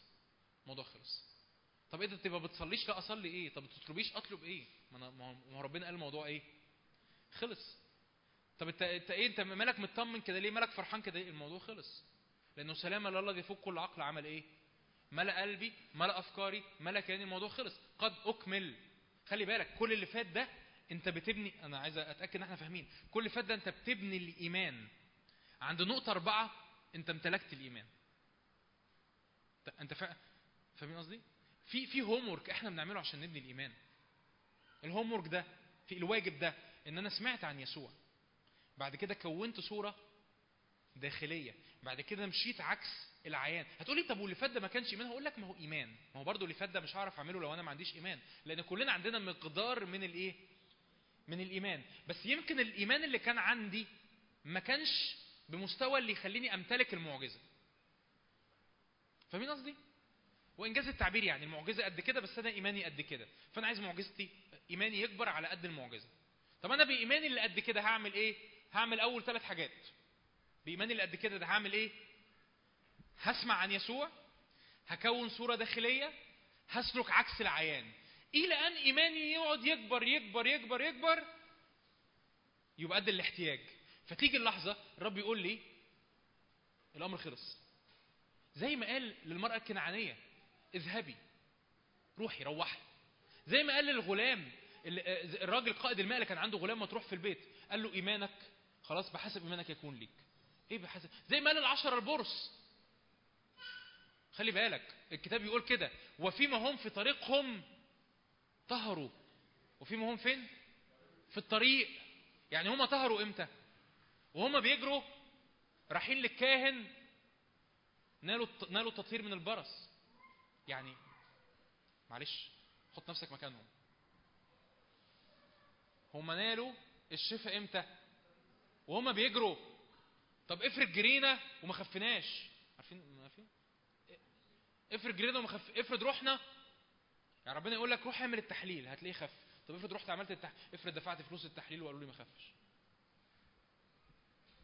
مم. ادفع العشور وهباركك. افرض دفعت العشور وما باركتنيش. مم. افرض ذاكرت وما نجحتش. آه يبقى أنا لسه ما كونش الإيمان. حلوة الأسئلة دي. الأسئلة دي بقى أوقات أوقات في ناس بتعلم عن الإيمان أو بتفتكر الإيمان كأنك بت... لازم تقول شوية كلام عشان تروي على ربنا وأنت تقنع نفسك إن أنت عندك إيمان. هو أنت أنت مش محتاج تقنع ربنا إن أنت عندك إيمان ومش محتاج تقنع نفسك أنت عندك إيمان. أنت لو عندك إيمان هتعرف. إيه دليل الإيمان؟ السلام. سلام الله بيفوق كل عقل. ده دليل الإيمان. الموضوع بقى بالنسبة لي جوايا مية باردة. لسه ما جاتش الفلوس اللي انت مستنيها. ما- هتيجي. لسه ما حصلش الشفاء اللي انت منتظره هيجي. طب ما تروح للدكتور. طب ما, ما تفتكروا يعني مثلا أنا أهلي كلهم دكاترة فأنا لازم أمي تحب تزورني في الحاجات دي. تفتكروا مثلا ماما قالت ليش روح الدكتور أختي بقى أنا عندي أختي بقى دي يعني إيه؟ أصعب من أمي. يعني لو أنا مطمن هي لازم تقلقني. وهي مسافرة بره مصر ف لا أنت لازم تروح للدكتور. لازم تعمل ما رحتش الدكتور ما عملتش أشعة. مش بقول ما... مش بقول لك اعمل كده مش بقول لك ما تروحش الدكتور وما تعملش أشعة. أنا اللي بقول لك اللي بقوله لك أسلك بحسب إيمانك. فاهمين قصدي؟ مش بتحاول تلوي دراع ربنا. مش آه طب يمكن لو عملت أشعة يبقى ده دليل عدم الإيمان. لا ما هو ده مش دليل عدم الإيمان. ده الموضوع مش كده. الموضوع ببساطة أنت جواك إيمان ولا لا أنت هتبقى عارف. تمام؟ فأنت بتسمع بتكون صورة داخلية بتسلك بالعيان بيحصل اللحظة اللي اسمها امتلاك الإيمان. امتلاك الإيمان يبقى الموضوع خلص. خمسة ودي الأخيرة وعايز يشجعنا ليها ويمكن تشجعنا الوقت اللي جاي انه ببساطة لما المعجزة تحصل مجد الرب بالمعجزة. اشهد عن عمل الرب. اذهب اخبر بكم صنع الرب بك وإيه؟ ورحمك. الرب لما اتكلم عن العشرة البرص تسعة جريوا واحد سامري رجع وقال ألم يرجع غير هذا غريب الجنس ليعطي مجدا لله؟ يعني شهادتك باللي الرب عمله إنك تقف تقول طب تقول لي أنا أنا الموضوع اللي حصل معايا أنا كان عندي صداع وخفيت في الاجتماع. أشكر الرب. عظم الرب. أنا كان صباع رجلي الصغير كان مدوحس وخف. عظم الرب. أنا كنت في في احتياج ألف جنيه والألف جنيه ربنا سددها. عظم الرب. واشكر الرب. مش تبقى حاجة كبيرة عشان تعظم الرب. قدم الرب ال ال ال الشكر والحمد. ليه بقى؟ لأن أول واحد بيتبارك لما لما حضرتك بتشارك هو أنت. المعجزة بتثبت بتثبت في أرضك لما حضرتك بتعظم الرب لأجل اللي عمله معاك. لما بتقول بتشهد بكم صنع الرب بك ورحمك حضرتك أول واحد بتتبارك وأول واحد المعجزة بتثبت في أرضه. ليه؟ لأنك ثبتت اللي عمله الرب بشهادة بنطق بكلام بتقول إن الرب عمل معايا كذا وكذا وكذا. فده بيثبت المعجزة فين؟ في أرضك. آمين؟ إحنا بالفعل صلينا بس هنصلي تاني. معرفش هنصلي بوضع يد ولا لأ بس هنصلي تاني. هنصلي تاني لا يكون يعني الوقت اللي فات أنت استقبلت الصلوات بلا إيمان. قول يا رب الوقت الجاي أنا عايز يلا استنى تعالى. اوعى تفكر إن إحنا هنريحك. جاي من سوهاج مخصوص بقى فإيه يعني مش مش هسيبك تقعد. هتكون هتكون إعلان عن الرب هتكون هتبتدي تسمع وتبتدي تقرأ في الكلمة وتبتدي تقرأ في الحق الكتابي وتبتدي تلهج في الحق الكتابي اعتبره دواء أنا دايما بقول كده. اعتبر ده دواء. اعتبر ده دواء. وعلى فكرة الكتاب بيقول كده إن الكلمة دي هي إيه؟ حد عارف الآية؟ هي دواء لكل الإيه؟ الجسد. هي كلمة دواء. اعتبره دواء. الدكتور قال لك هتاخد آه، تعرفين في ناس ممكن تاخد كميات أدوية مش طبيعية يعني مثلا بياخد 10 10 أدوية في اليوم. الدكتور قال تاخد 10 أدوية في اليوم وعامل جدول بقى لنفسك وايه اللي بيتاخد قبل الغداء وايه اللي بيتاخد بعد الفطار وايه اللي بيتاخد قبل النوم وايه اللي بيتاخد على معدة فاضية وايه اللي بيتاخد بعد الأكل. عارفين القصص دي؟ طب إحنا ليه مش كده مع الكلمة؟ اعتبره كورس دواء. اعتبره كورس دواء. إيه اللي أنت محتاجه؟ آه أنا محتاج شفاء محتاج تحرير محتاج محتاج تسديد احتياجات مادية محتاج بركة في حياتي محتاج مسحة. اعتبره دواء. اقعد قدام الكلمة اقعد قدام الحق قول يا رب أنا هلتزم. طب أنا مش محتاج دواء دلوقتي. يا أخي اعتبره فيتامينات. اعتبره مقويات. اعتبره سبلمنت اعتبره مكمل غذائي. عشان لما تيجي تيجي التجربة لما تيجي الحرب لما تأتي الأمطار والسيول أبقى أنا بيت مبني على ليه؟ على الصخر. مش تستنى لما البيت يتهدم فوق راسك وتقول هو فين الإيمان؟ هو فين ربنا؟ هو فين كلمته؟ هي فين وعوده؟ عايز أقول لك طب هو فين الوقت اللي أنت كونته قدام الرب؟ هي فين الكلمة المنطوقة اللي خارجة من فمك؟ هو فين الإعلان الإيمان اللي خارج من فمك؟ فين الأوقات اللي أنت ضيعتها ما كنتش بتقضيها قدام الكلمة وفي العبادة وفي الصلاة؟ هي فين؟ فكون سمع كون صورة داخلية أسلك عكس العيان هتمتلك الإيمان. ولما الرب يعمل معاك حاجة اشهد بيها وعظم الرب بيها. آمين؟ تعالوا نقف مع بعض. معانا للساعة كام؟ معانا للساعة كام؟ ونص؟ أوكي. آمين. هللويا. هللويا. نعم يا رب اشكرك اشكر رب لأجل كل حاجة الرب عملها. سواء سواء- شكرا. سواء على مستوى آه، علاقات سواء على مستوى حتى أنا استريحت فتقول أنا جيت أنا شخصيا برضو استريحت في المؤتمر. المؤتمر فعلا مش مرهق. رب أشكرك لأنه لأجل حتى الراحة الجسدية الراحة النفسية الهدوء الذهني لأجل رب الوقت اللي قضيناه قدامك أشكرك لأجل وقت الصلاة اللي فات ولأجل كل أمر أنت سكبته بالروح القدس. قولوا نعم يا رب نؤمن إن إحنا ندخل لأراضي إيمان جديدة في اسم يسوع ارفع إيدك كده معايا. قال نعم يا رب اصنعنا شعب إيمان. اصنعنا شعب جماعة مليانة إيمان مليانة إيمان. مليانة بكلمة الرب مليانة بحق الرب. لما لما نسمع عن الإيمان لما نسمع عن رفعة الإيد بسلطان لما نسمع عن إعلانات الإيمان عينينا تبقى منورة عينينا تستنير تبقى عينينا مليانة شرارة إيمان في اسم الرب يسوع. نعم روح الله ملانا املى شعبك بإيمان. إحدى هبات الروح القدس هي هبة اسمها الإيمان. قول له نعم يا رب املانا بالإيمان. املانا بالإيمان. هب علينا بمواهبك الروحية هب علينا بفيض وبنعمة من إيمان الروح القدس في اسم يسوع. نعم يا رب انقلنا من إيمان إلى إيمان في اسم الرب يسوع. هللويا. قول له نعم يا رب أكون رجل إيمان. ارفع إيدك كده واعلني أكون يا رب رجل إيمان أكون سيدة إيمان في اسم الرب يسوع. نعم يا رب نتحرك زي صمويل نتحرك زي داوود نتحرك زي إبراهيم لأن دول أرضوا الله. نتحرك زي سارة لأنها أرضت الله نتحرك زي الشونامية لأنها أرضت الله نتحرك زي دبورة لأنها عكس العيان اتحركت بالإيمان وأرسلت براق بالإيمان وامتلكت بالإيمان. نعم يا رب نكون رجال إيمان ونكون سيدات إيمان في اسم يسوع. هللويا املأنا روح الله. هللويا هللويا. نعم املأنا بالثقة غير عادية. املأنا بثقة في كلمتك. قول يا رب أنا عايز أكون الخبر. عايز أكون المخزون بتاع الكلمة. عايز أكون الأوقات اللي بقعد فيها قدام الكلمة. عايز أكون المخزون الداخلي اللي يثبتني ويبنيني في الكلمة وفي الحق الإلهي في اسم الرب يسوع. هللويا هللويا هللويا. هللويا هللويا. هللويا. في اسم الرب يسوع. املانا بالإيمان املانا بالإيمان. نعم يا رب املاني بصور داخلية. إيه الامر اللي انت محتاج فيه معجزة؟ اشجعك وانت دلوقتي بتصلي معايا غمض عينك وشوف نفسك المعجزة حاصلة. يعني إيه؟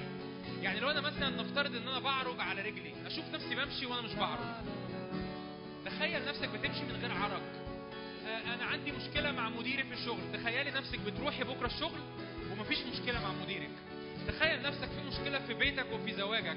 تخيل نفسك وأنت في سلام في البيت في هدوء في البيت.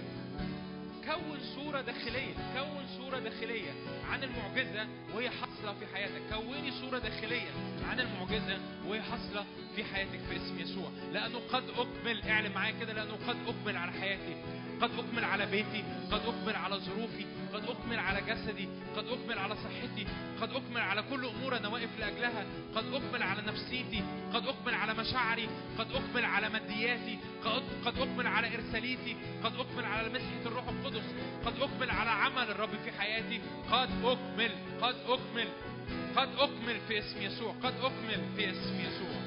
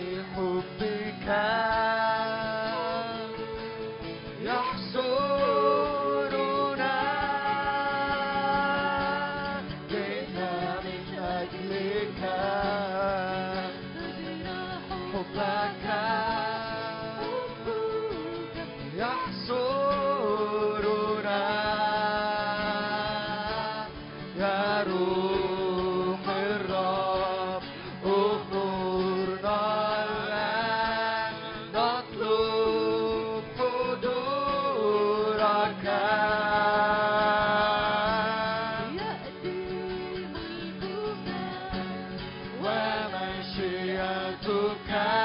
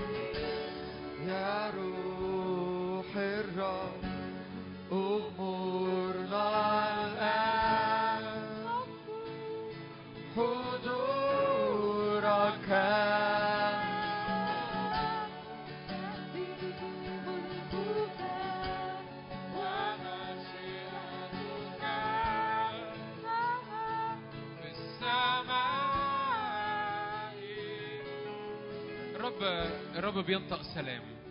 سلام. استقبل سلام الرب.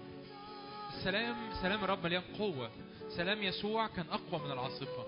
سلام الرب مليان قوة. الرب ينطق سلام في اسم يسوع. نعم سلام سلام زي الشونامية سلام سلام سلام. في اسم يسوع. في اسم يسوع. سلام لظروفك. سلام لمادياتك. سلام لنفسك. سلام لمشاعرك. سلام لأفكارك سلام لمخاوفك سلام لمستقبلك وسلام لجسدك في اسم يسوع. هللويا.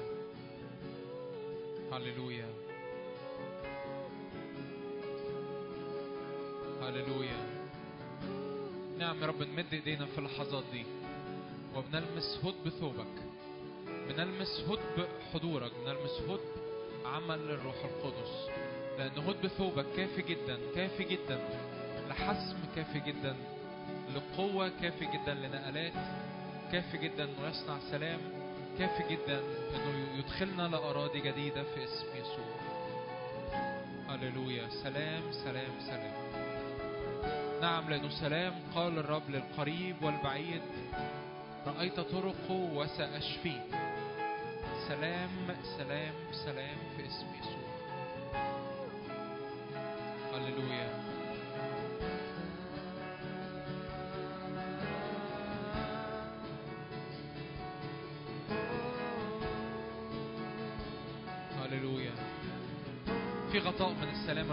علينا الآن. بيحطه على ذهنك حطه على قلبك حطه على أيامك. استقبل استقبل. في غطا من السلام في غطا من السلام. في حضور مليان سلام. في حضور مليان سلام. استقبل في اللحظات دي. قولوا نعم يا رب أنا بستقبل سلام لذهني. سلام لمشاعري سلام لمستقبلي سلام لبيتي. سلام لكل أمور في حياتي في اسم يسوع. في اسم الرب يسوع.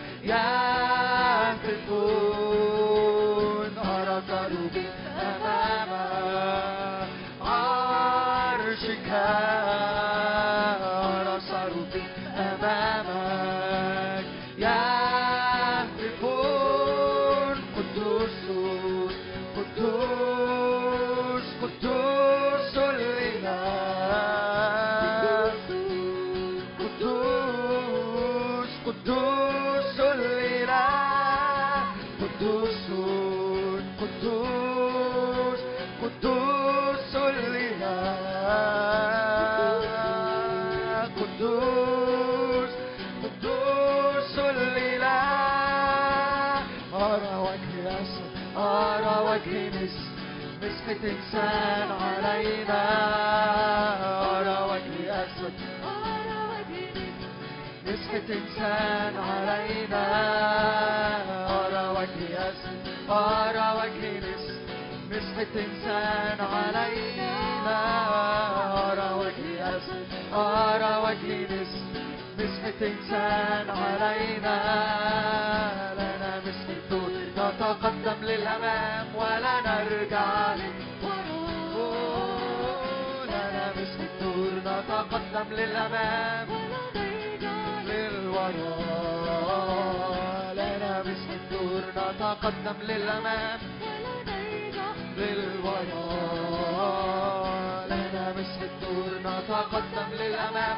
ولا نرجع للوراء دم يسوع أخرجنا من تحت سلطان الظلام نقلنا وفصلنا عن سلطان الشيطان.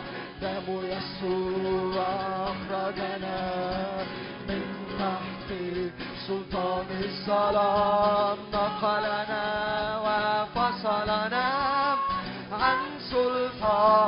دم يسوع دم يسوع أخرجنا من تحت سلطان الظلام. نقلنا وفصلنا عن سلطان الشيطان. يحاربوننا ولا يقدرون علينا. فالرب يحفظنا يوصي ملائكته بنا يحاربوننا ولا يقدرون علينا. فالرب يحفظنا يوصي ملائكته بنا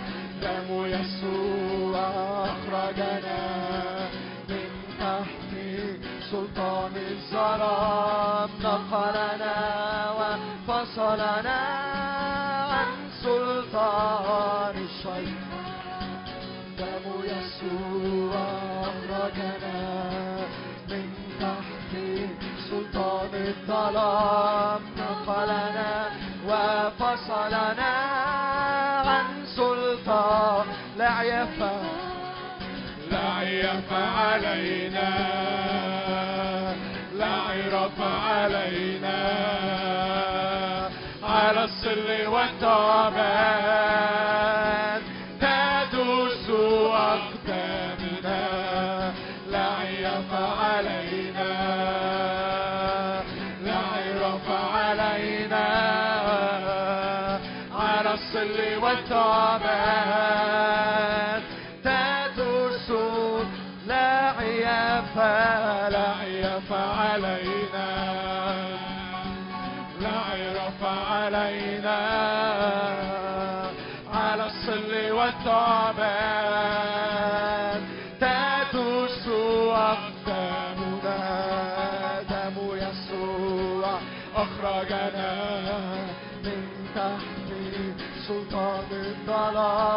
نقلنا وفصلنا عن سلطان الشيطان.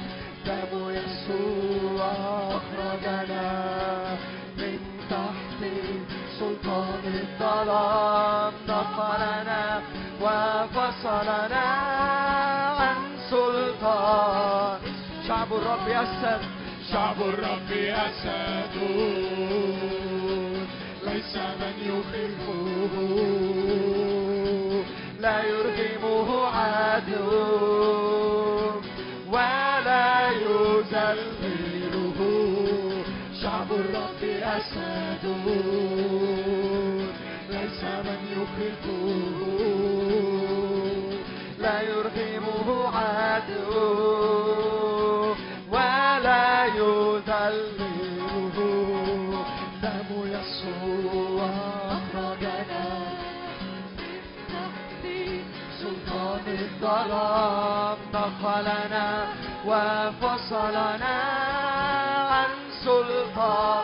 دم يسوع هو دم يسوع أخرجنا من تحت سلطان الظلام. دخلنا وفصلنا عن سلطان الشيطان.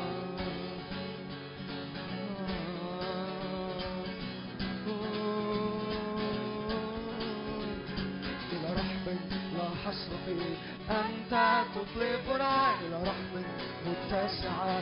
أنت تطلقنا إلى أرض فيه أنت تخرجنا إلى أرض متسعة. أنت تطلقنا إلى جود الرب نكري إلى الحنطة والمسطار من دسم بيتك أنت تغني شعبك إلى جود الرب نكري إلى الحنطة والمسطار أنت تغني شعبك إلى رحم لا حصر فيه أنت تخرجنا إلى أرض متسعة. أنت تطلقنا إلى رحم لا حصر فيه أنت تخرجنا إلى أرض متسعة. أنت تطلقنا ترسل مطرك علينا.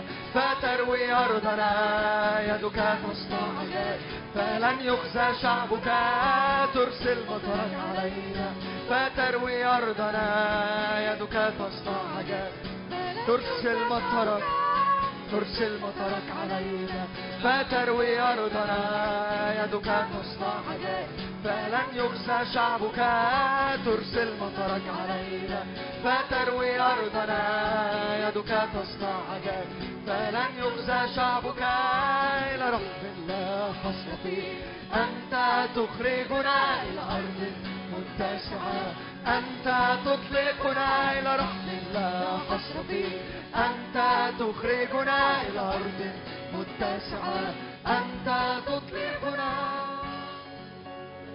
أمين أمين أمين. هنعمل fire tunnel سريع. عارفين ال fire tunnel ده؟ هنصلي لكل الناس. الناس هتتحرك كده هتمشي كده هتعدي. الناس كلها هتصلي معاك سريعا جدا في دقايق عشان الغدا أو عشان إحنا اوريدي صلينا. وبعد كده هتطلع حضرتك كده هتطلع بره القاعة على طول. ماشي؟ طيب بعد ما تخلص هتطلع بره هيبقى في الغدا. وبعد الغدا المفروض عندنا وقت يعني لو حد عايز يشارك بحاجه شافها أو في شهادات أو كده في شو في حد في كام حد كان عايز يتكلم ما لحقش كان واخد مواعيد وما لحقوش مع ناس فهنحاول إن إحنا نبقى متواجدين برضه. okay؟ طيب ممكن تفضلوا معايا يا جماعة عشان الف... يعني تصلوا معايا. ال fire tunnel اتفضلوا. اتحرك انت هتشتغل ولا إيه؟ أنت قدوس أنت موهوب ومجدك يملأ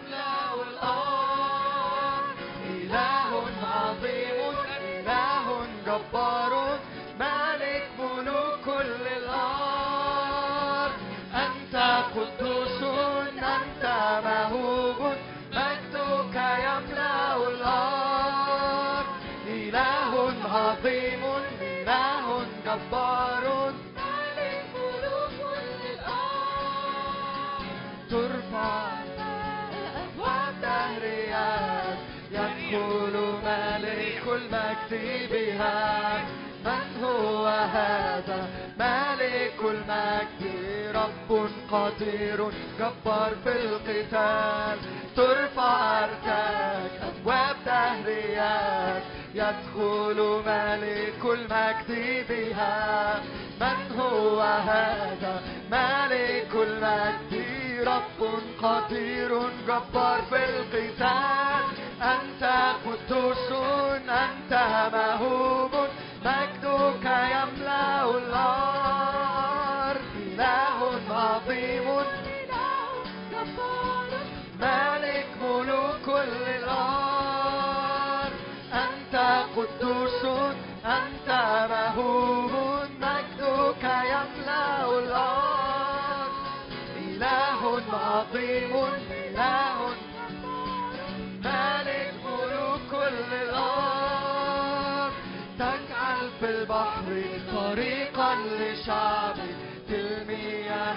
القوية مسلكا تجعل القفر مفاجا شعبك يحدث بتسبيحك تجعل في البحر طريقا لشعبك.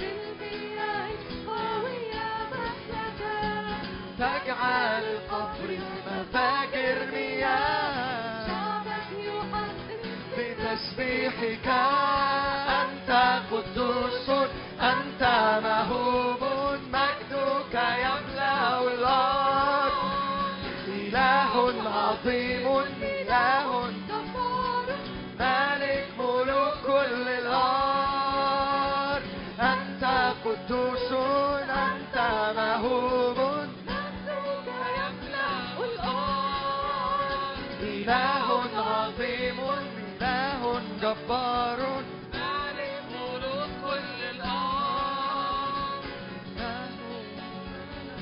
لك رفيق صادق وعادل. أنت الصخر الكامل صانعه أنت الرب الممجد إله أمانة لك رفيق صادق وعادل. أنت الصخر الكامل صانعه أنت الرب الممجد نفرح بك يا إلهنا. نفتخر بك أنت عزنا. نفرح بك يا إلهنا. نفتخر بك أنت عزنا. تضيء سراجي تنير ظلمتي فلا تتقلقل قدمان تمنطقني بالقوة فيصير طريقي كاملا. تضيء سراجي تنير ظلمتي فلا تتقلقل قدمان تمنطقني بالقوة فيصير طريقي نفرح بك يا إلهنا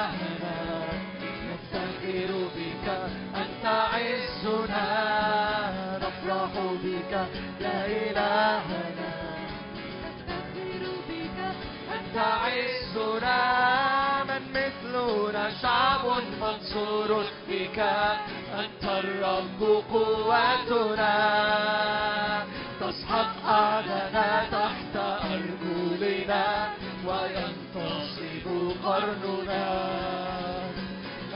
مثلنا شعب منصور بك. أنت الرب قوتنا تسحق أرجلنا وينتصب قرننا. نفرح بك يا إلهنا. نفتخر بك. أنت عزنا نفرح بك يا إلهنا.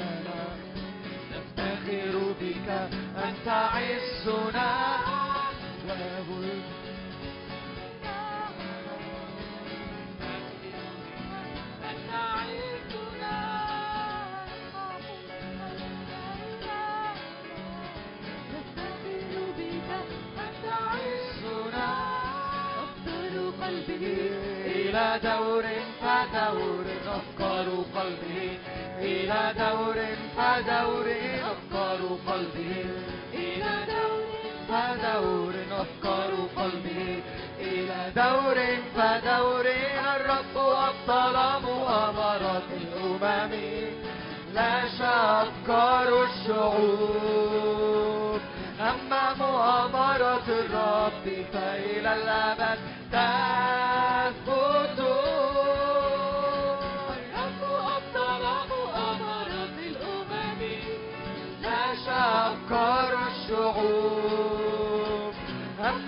مؤامرة الرب فإلى الأبد. أفكار قلبه إلى دور فدور. أفكار قلبه إلى دور أفكار قلبه إلى دور فدور. أفكار قلبه إلى دور فدور. يسوع قام داس الشيطان. أنهى شوكة الموت. حطم أسوار عبر أبواب ورد كل سبي يسوع قام داس الشيطان أنهى شوكة الموت؟ حطم أسوار عبر أبواب ورد كل سبي أبواب الجحيم. لن تقوى لن تقوى أبواب الجحيم. لن تقوى علينا أبواب الجحيم. أبواب الجحيم. لن تقوى علينا ونخرج ونبصر. فالرب يعمل معنا يحرر يحرر يشفي يقيم الموتى ونخرج ونبصر فالرب يعمل معنا يخلص يحرر يشفي يقيم الموتى أبواب الجحيم. لن تقوى لن تقوى أبواب الجحيم. لن تقوى علينا أبواب الجحيم. أبواب الجحيم. ونبصر. فالرب يعمل معنا يخلص يحرر. يشفي يقيم الموتى ونخرج ونبصر فالرب يعمل معنا. يشفي يقيم الموتى الجحيم لن تقوى لن تقوى أبواب الجحيم لن تقوى علينا أبواب الجحيم أبواب الجحيم لن تقوى علينا.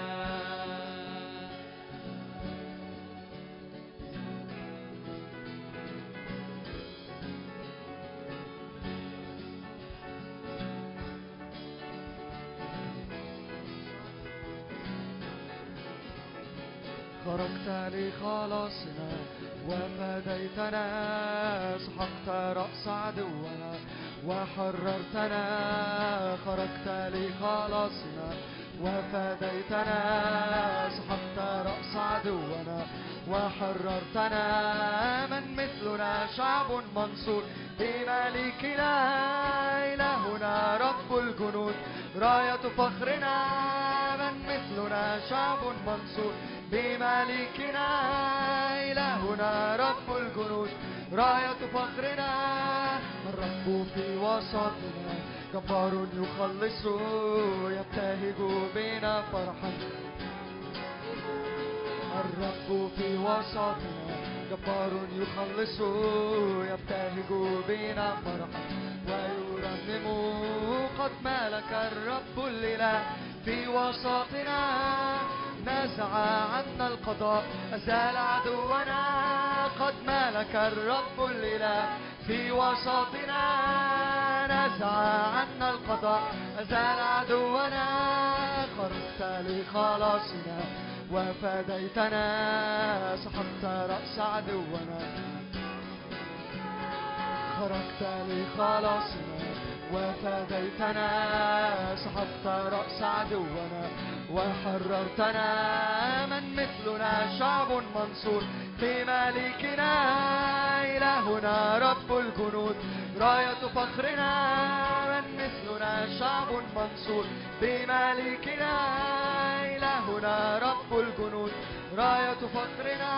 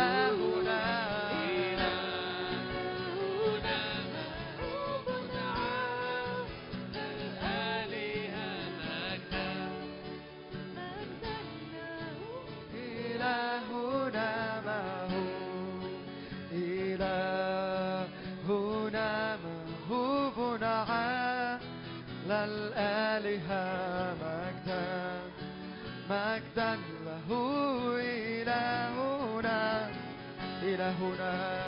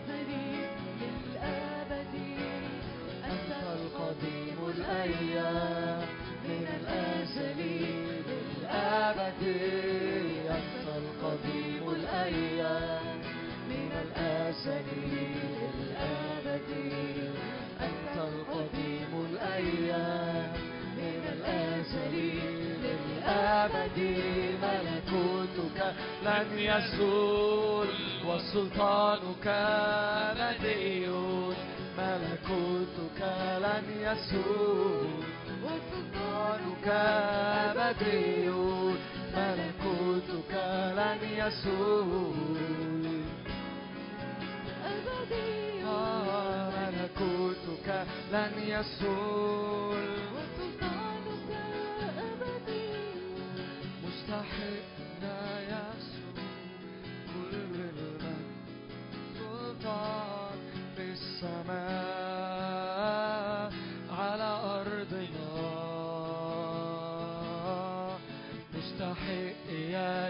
يسوع كل المجد والسلطان في السماء.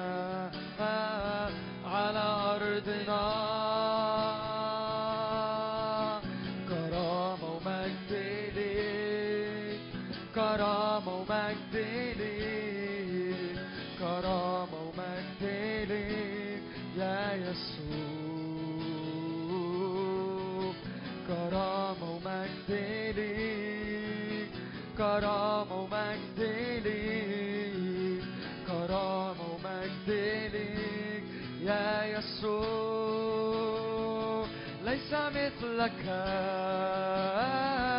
ليس مثلك ليس مثلك. يا ربنا ليس ليس مثلك ليس مثلك. ليس مثلك يا ربنا.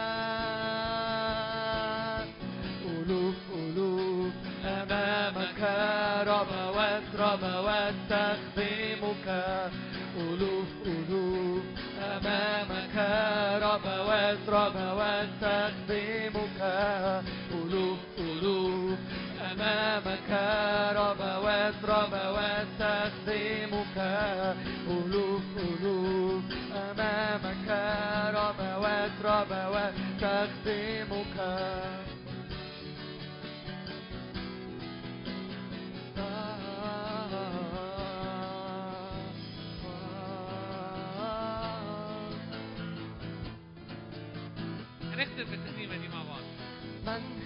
هي هذه روسها أورشليم الجديدة من السماء نازلة. مشرفة الصباح طاهرة كالشمس لا مثل جيش. ألوية من هي هذه عروس الحرب أورشليم الجديدة من السماء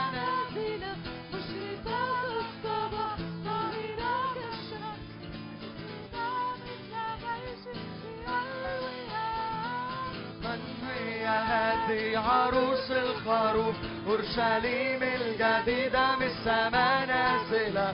مشرفة كالصباح طاهرة كالشمس. مرهبة مثل جيش بألوية. من هي هذه عروس الخروف؟ أورشليم الجديدة من السماء نازلة. كالصباح طاهرة كالشمس. مرهبة مثل جيش بألوية من هو هذا ملك المجد؟ الرب القدير الجبار في القتال الشطاي أدوناي يهوى الصباوت أمامه عاصف ونار أكلة من هو هذا ملك المجد الرب القدير الجبار في القتال. يهوى الصباوت أمامه عاصف ونار أكلة من هو هذا؟ ملك المجد الرب القدير الجبار في القتال. شداي أدوناي يهوى الصباوت أمامه عاصف عروس الرب من هي هذه عروس الخروف؟ أورشليم الجديدة من السماء نازلة. كالصباح طاهرة كالشمس مرهبة مثل جيش بألوية.